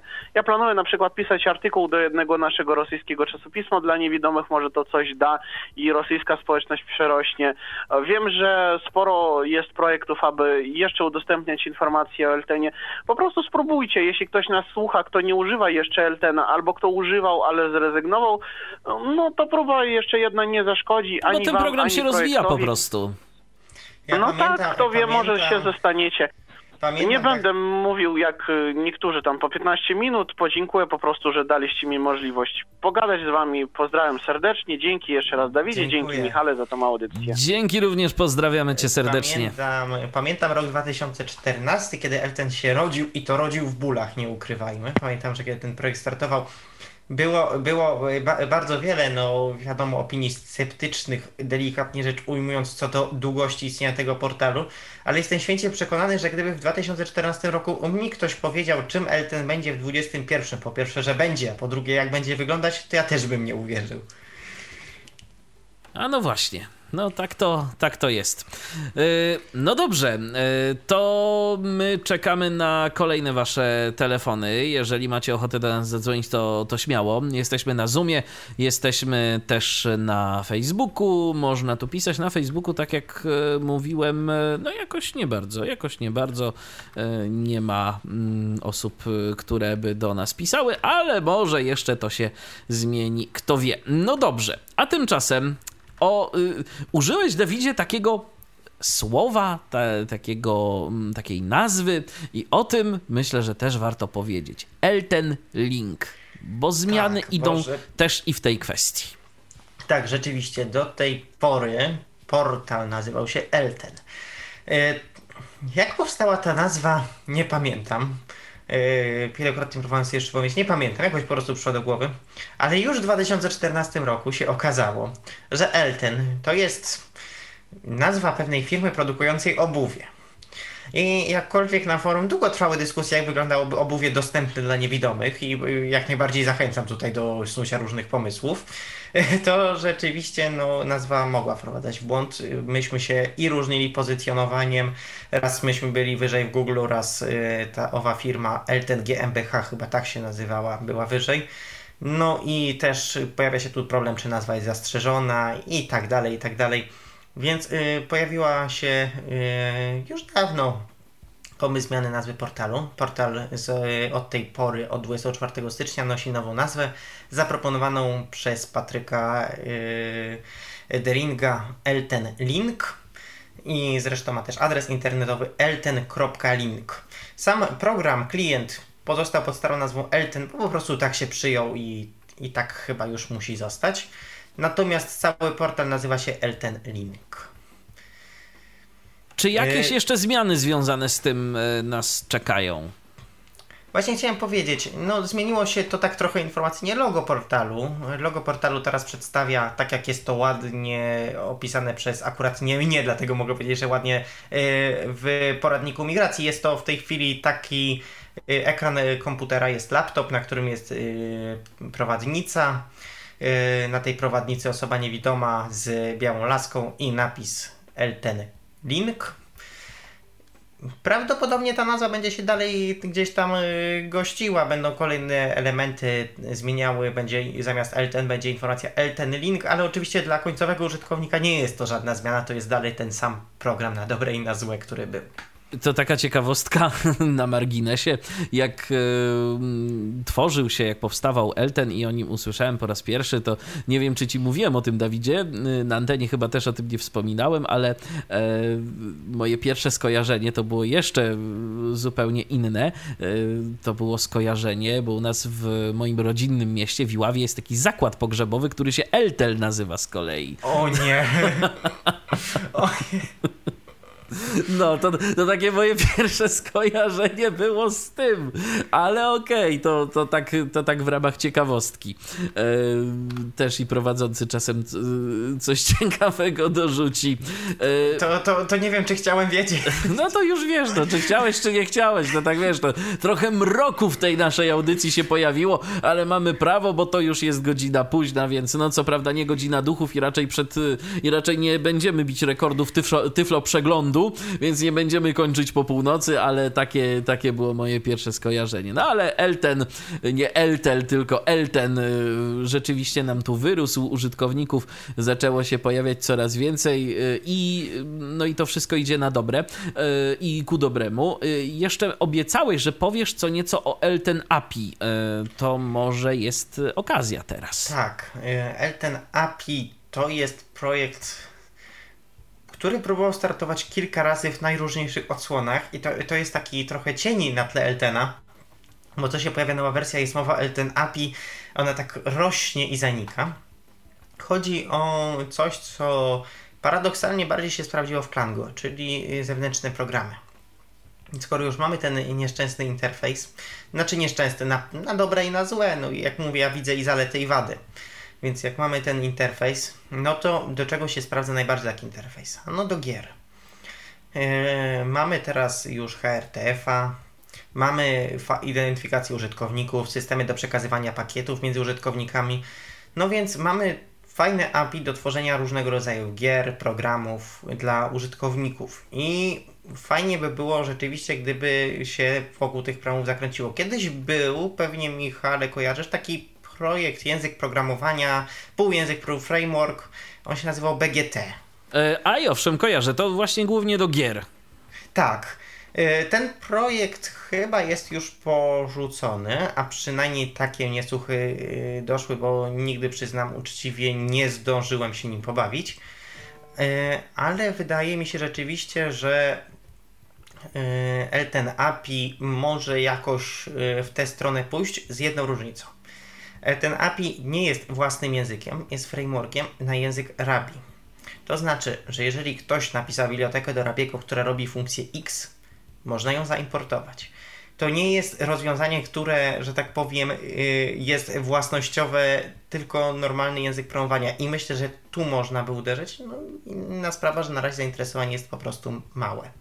Na, w ciągu paru miesięcy pojawi się pełna dokumentacja i zobaczymy, czy to coś zmieni pożyjemy, zobaczymy. Jeszcze a propos y, języków programowania, to tu mamy kolejną wypowiedź kota. Telefon Mateusza mnie bardzo zdziwił. Zmiana języka programowania ma wyjść na lepsze programiście. Programista wybiera język, który w którym mu najlepiej pisać, więc jest to raczej argument bardzo nietrafiony. Tak jak mówił Dawid, prawie wszystkie popularne i rozwijane obecnie środowiska programistyczne yy, udostępniają możliwość używania API Win32. I jeszcze też od kota pytanie z ciekawości, kto stworzył logo? E, logo akurat zaprojektował mój tata. I myślę, że tak jak słuchałem opisu, jak pokazywałem je paru osobom, raczej odbiór był pozytywny, więc uznałem, że czemu nie.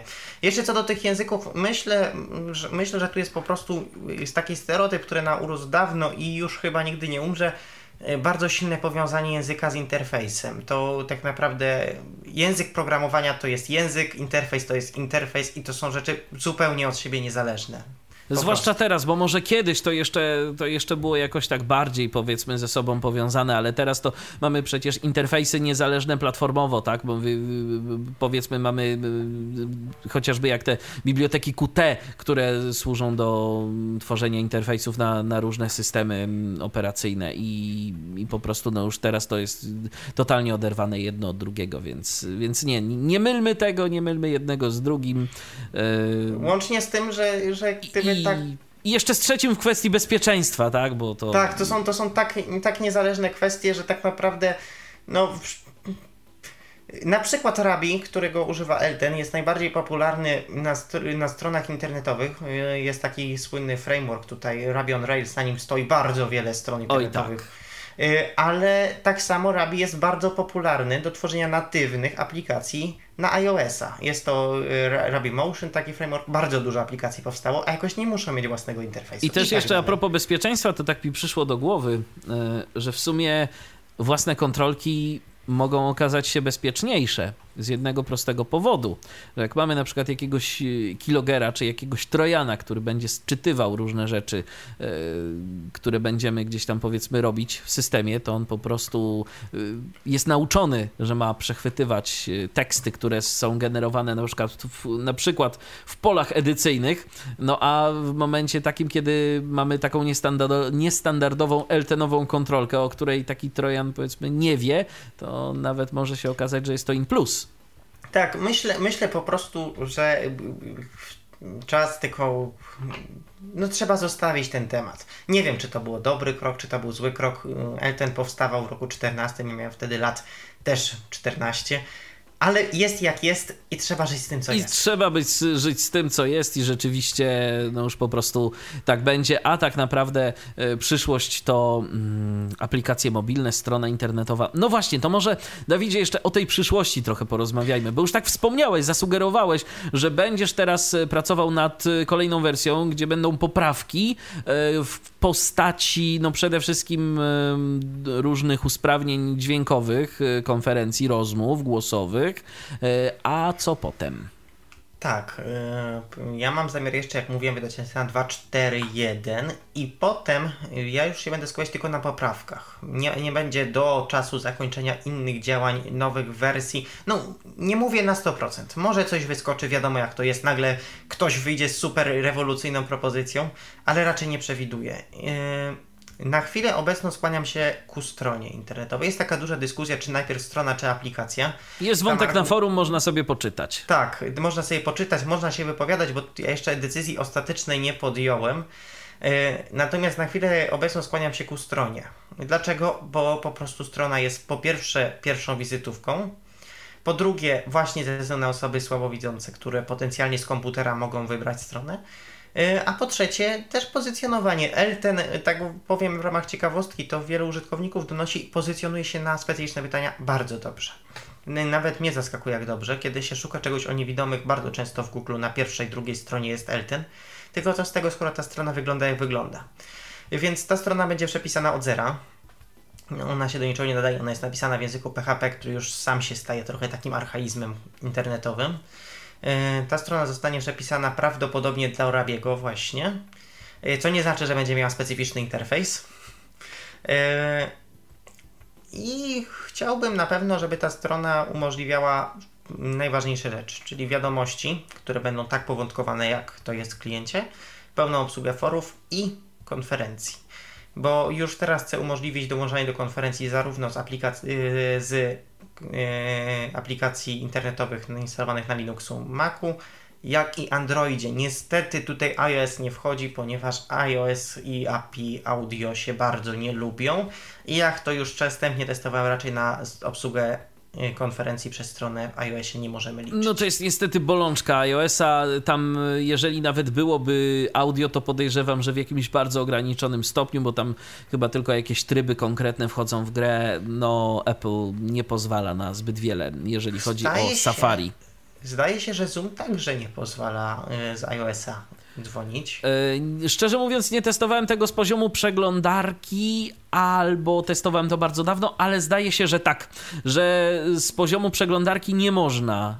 Yy, trzeba mieć zainstalowany, trzeba mieć zainstalowanego klienta, no bo aplikacjom pobłogosławionym przez App Store wolno zdecydowanie więcej.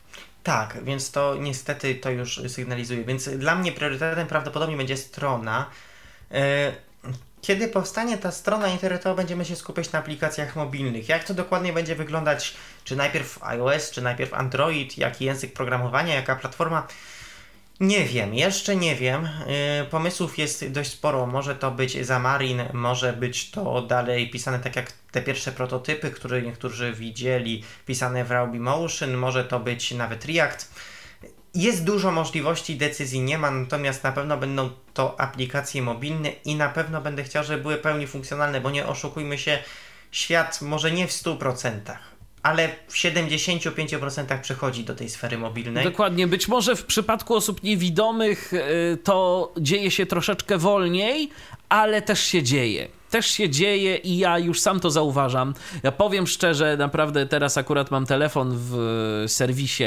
Drugi dzień i naprawdę jestem nieszczęśliwy z tego powodu, że po prostu y, pewne rzeczy muszę wykonywać siedząc przy komputerze. No wiadomo, w pracy to, to jednak robi się, robi się wiele rzeczy jeszcze nadal y, przy komputerze, chociaż też już nie zawsze, ale po prostu tak już po, po pracy, po, tym, y, po tych iluś godzinach, które y, trzeba tam y, wysiedzieć, to już naprawdę z miłą chęcią odstawiłbym ten komputer i odłożył rzeczywiście to wszystko i skupił się tylko na tym, co mogę zrobić na telefonie a teraz nie mogę, a to, i to już zaczyna być naprawdę już takie irytujące. Tak, i tak mi się wydaje, mogę się mylić, ale wydaje mi się, że za te może nie będę spekulował za parędziesiąt lat, ale za te 5-10 lat rzeczywiście może komputery nie odejdą, ale bardzo się zepną w margines i będą właśnie tymi stanowiskami do pracy. I już nikt nie będzie wchodził na konferencje LTE-nowe z komputera, bo po prostu komputer będzie albo w ogóle tylko w firmie, albo będzie się kojarzył z pracą i z pracą, do widzenia. Tak, dokładnie. Więc dokładnie tak. rzeczywiście tak. tutaj priorytetem będą mobilki i chyba mogę to wreszcie już któryś raz to obiecuję, ale chyba mogę tym razem naprawdę obiecać, bo takie są plany, że te mobilki po LTN 2.4.1 i stronie będą tym priorytetem i będą tworzone. Możemy się tych aplikacji spodziewać, co myślę, że wreszcie sprawi, że ten LTN będzie w jakimś sensie, jeżeli można mi tak to ująć, pełny. Co potem? Nie wiem. Y, kiedyś zapowiadałem LTNA 3.0, klienta na desktopy, który będzie na Maca Linuxa. Czy on powstanie, będzie zależeć od sytuacji. Pytanie, czy w ogóle jest aż takie wielkie właśnie, zapotrzebowanie? Właśnie do tego, co chciałem powiedzieć. Zobaczymy, Zobaczymy, no zanim powstaną aplikacje mobilne, powstaną, miną 2 lata, 3 lata. Zobaczymy, jak będzie wyglądać sytuacja za 2-3 lata, czy dalej będziemy używać tak komputerów, czy już nie, jakie będzie zainteresowanie. I myślę, że to, co wtedy będzie priorytetem, będziemy właśnie określać tym, jak będzie wtedy wyglądać rynek, bo teraz nikt z nas tego nie zgadnie. Dokładnie tak, więc po prostu no, pozostaje nam e, obserwować ten rynek, bo też e, w przypadku osób niewidomych, no też on jakoś tam się zmienia. To nie jest tak, że, e, że my stoimy w miejscu, chociażby widać to no, po tym, jak bardzo zmienił się sposób korzystania z internetu. To, to też i w naszym przypadku no, ulega dość dużym zmianom. Tak, natomiast mimo wszystko na chwilę obecną, tak trochę dywagując, wciąż wydaje mi się, że y, y, nadal trochę z kolei niedoceniany jest ten udział aplikacji klasycznych. Nie mówię, że tak będzie za 2-3 lata, nie mówię, że to dotyczy Eltena, ale dla mnie szokiem była właśnie aplikacja, o której mówiliśmy na początku, aplikacja Tyflo Podcastu, którą napisałem, bo, bo potrzebowałem się właśnie od Eltena oderwać, potrzebowałem oderwać się od Rabiego, napisać coś w innym języku. Napisałem klienta Tyflo Podcasta i potem się zdziwiłem, jaką popularność osiągnął, więc wydaje mi się, że wydaje mi się, że możemy ani w jedną, ani w drugą stronę nie zgadnąć i dywagowanie, co będzie za 3 lata, może być bardziej zabawą niż Zgadza się. To znaczy, mi się cały czas wydaje, że mm, osoby niewidome jednak cały czas odrobineczkę wolniej gdzieś tam z tą technologią wycofują się z tych komputerów. Ale jednak, że w naszym y, środowisku też ten trend następuje. I o to mi chodziło przede wszystkim. Tak, więc wracając do Eltena i podsumowując. Elten 2.4.1 to jest sprawa miesiąca dwóch. To będzie wersja poprawkowa, która też trochę da nowych możliwości do konferencji. Wspominałem tutaj te karty, które będą w kanale Będzie Kostka, czyli trochę takie towarzyskie. Yy, będzie historia połączeń i yy, będzie zaimplementowany, yy, na pewno już to mówię, funkcja operatora kanału, których w tej chwili nie ma i waiting room znany z Zooma. Potem prawdopodobnie strona internetowa, strona internetowa w pełni funkcjonalna, czyli fora, wiadomości, nie blogi, bo już i tak są na WordPressie, więc, y, bo tutaj niektórzy pisali co z blogami na stronie internetowej, powielanie tego co jest jest bez sensu. A potem aplikacje mobilne. Nie wiem, czy najpierw Android, czy najpierw iOS, ale na pewno postaram się stworzyć aplikację na obydwie te platformy. No chyba, że się okaże, że nagle za 3 lata iOS już nie będzie popularny wśród niewidomych na przykład. No bo no, tego też, też nie możemy tak, wykluczyć. Oczywiście, no mało to prawdopodobne, ale nie można tego wykluczyć, oczywiście. Może się okazać, że przez te 3 lata to nagle się pojawi jakiś trzeci gracz, chociażby się wszyscy zdziwi, się jeszcze zdziwimy, bo wszyscy zaczną korzystać z Symbiana o i tyle będzie. Bo wróci, wróci do łask. Więc no tak się kształtuje na razie plany na przyszłość Eltena. Nie chcę podawać żadnych dat, bo, bo jest to ciężkie, nie umiem w tej chwili przewidzieć, ale no zarys jest taki. Zarys jest taki, wiemy czego się mniej więcej możemy spodziewać. To co Dawidzie, y, tak y, na sam koniec, y, no, mikrofon dla ciebie, antena jest twoja, zachęcaj. To mogę zachęcić na pewno osoby przede wszystkim, bo chyba do tych kierowaliśmy te audycje, które coś tam o nie słyszałem. Wydaje mi się, że jednak większość osób w środowisku już tam z czymś ten projekt kojarzy. Jedni pewnie myślą, że to jest dalej Klango, inni myślą, że jest to projekt, który już nie istnieje, ale raczej coś tam o nas słychać, więc jak najbardziej zapraszam, żeby dać szansę, żeby spróbować, żeby też zaangażować się w rozwój, bo potem pojawiają się rzeczywiście po latach dyskusje, a czemu nie było tak? No więc nie było tak między innymi dlatego, że nikt nie powiedział, żeby było inaczej. I myślę, że to też jest ważne. Jeżeli chcecie się zaangażować też w rozwijanie tej strony internetowej, aplikacji mobilnych, że nie macie na to jakiś pomysł, też na to jest czas teraz, a nie za 3 lata, kiedy ktoś stwierdzi, że coś mu się nie podoba. Albo na przykład I... jeszcze też takie argumenty były, że to a, jakiś tam taki program stworzony przez jakiegoś takiego młodego, to on to pewnie porzuci za jakiś czas. No, słuchajcie, ten młody wyrósł już trochę jednak Gdyby, tak. gdyby, gdyby ktoś nie zauważył. Y, tak, więc no już 7 lat istnienia projektu to jest dużo, więc. I nie porzucił. Więc jak najbardziej zapraszam, żeby spróbować, żeby się zaangażować. No i też y, bardzo zachęcam y, też użytkowników Eltena do blogowania, bo uważam, że tu jest dość duży potencjał tej platformy. Skoro, skoro Michale oddałeś mikrofon, też z tego miejsca bardzo dziękuję wszystkim osobom, które zaangażowały się w rozwój wersji 2.4, bo dostaliście taką naprawdę dużą aktualizację. Dlaczego to nie jest LTN 3.0? Mm, ponieważ y, LTN 3.0 zapowiadają, że będzie na nowym silniku, ten wciąż nie jest. Y, natomiast jest to chyba największa aktualizacja, znaczy największa od czasu 2.0 na pewno, a nie wiem czy nie największa aktualizacja LTNA w ogóle. Więc tutaj bardzo dziękuję wszystkim testerom, tłumaczom i bardzo, bardzo dużej ilości ludzi, którzy się zaangażowali w rozwój tego programu, bo może ja jestem jedynym programistą, ale no to, że ten LTN może być po rosyjsku, chorwacku, turecku, też coś znaczy. To, że ten program i się nie sypie aż tak bardzo, to jest też zasługa testerów, jest zasługa dla masy ludzi, którzy dawali propozycje, doszlifowywali różne koncepcje. No więc tym osobom też e, należą się wielkie, wielkie podziękowania. A tymczasem e, mamy kolejny telefon. Kogo witamy? Mm, tak, tak, bo ja już słyszałem, że koniec. E, dobry wieczór, Cześć Marcel. teraz ja. Dobry tak na sam koniec, bo słyszałem właśnie, że się audycja kończy. Zadałem pytanie i chyba gdzieś umknęło.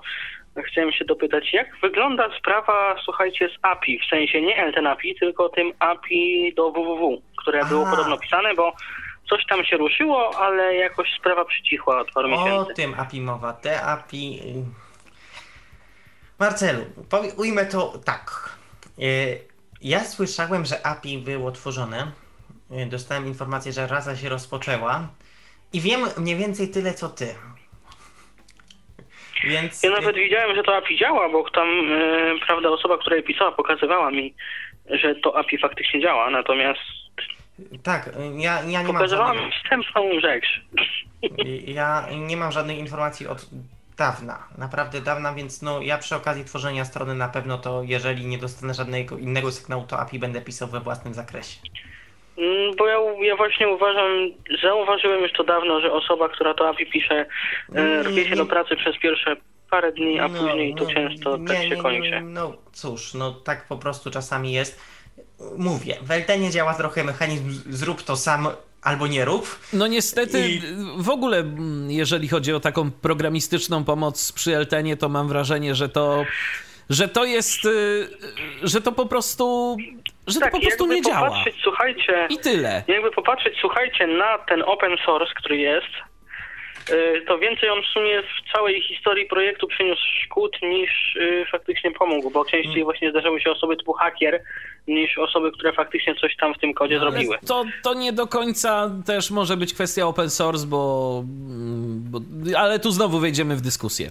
Tak. y, Niepotrzebną chyba Po, do po końca. prostu, po prostu, no też skoro już ten temat poruszono, to osoby, które mogą być zainteresowane, zapewniam, że też kod Eltena, wiadomo, są tam jakieś resztówki z wersji 1.0, które wyglądają, no jak wyglądają. Ja też się uczyłem na Eltenie, tego nie można ukryć. Ja wtedy byłem, oj, w trzecie gimnazjum. Jeszcze było coś takiego jak gimnazjum. No, Słuchajcie. a teraz już nie ma. Patrzcie, jak ten Ale- czas leci.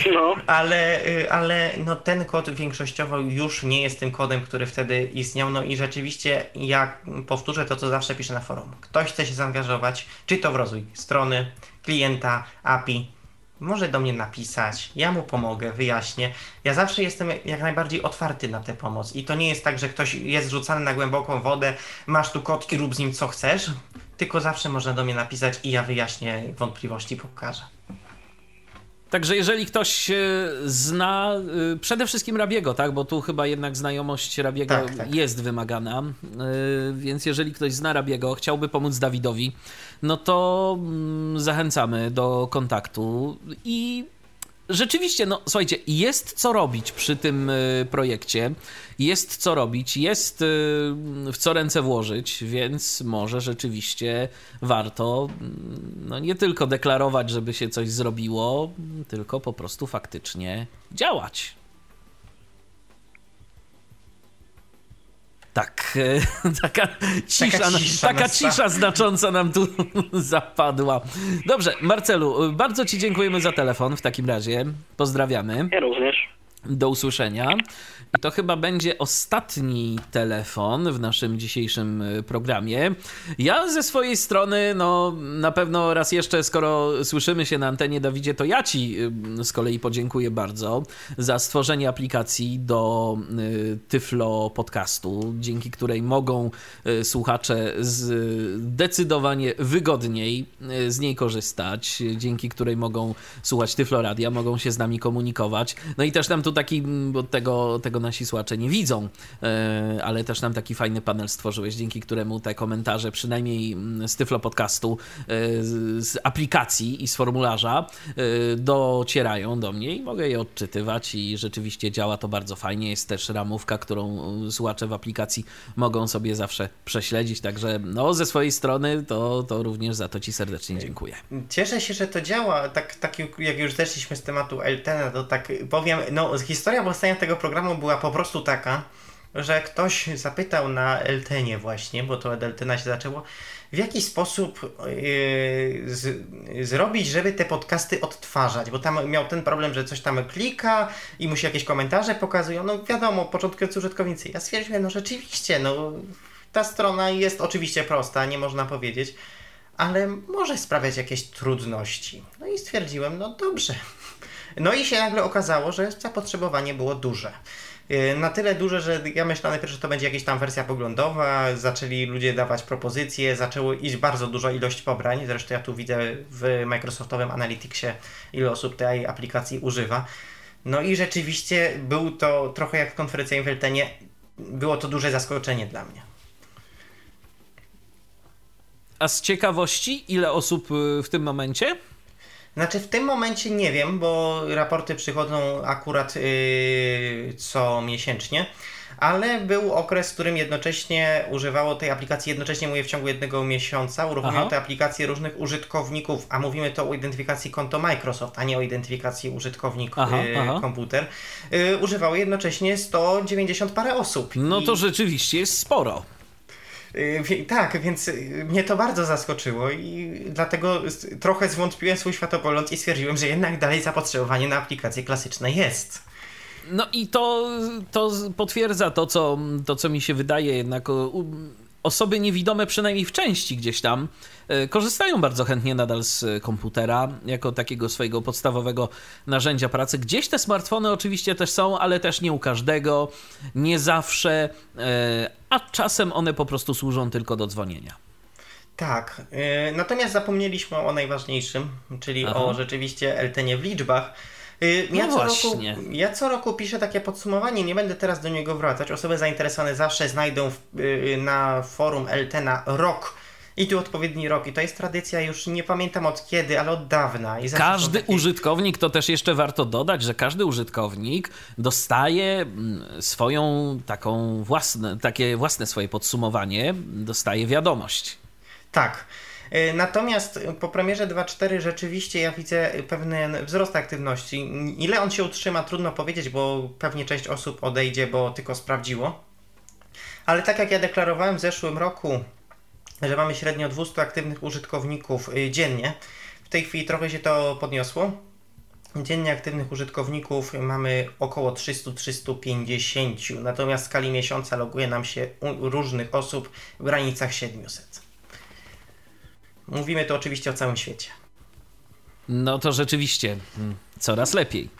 Coraz lepiej. Powolutku, powolutku to wzrasta. Nie jest to taki dynamiczny wzrost, jak miało wspominane tu 500 tysięcy razy Klango, ale jednak jest ku górze, a nie w dół, a to już dobrze.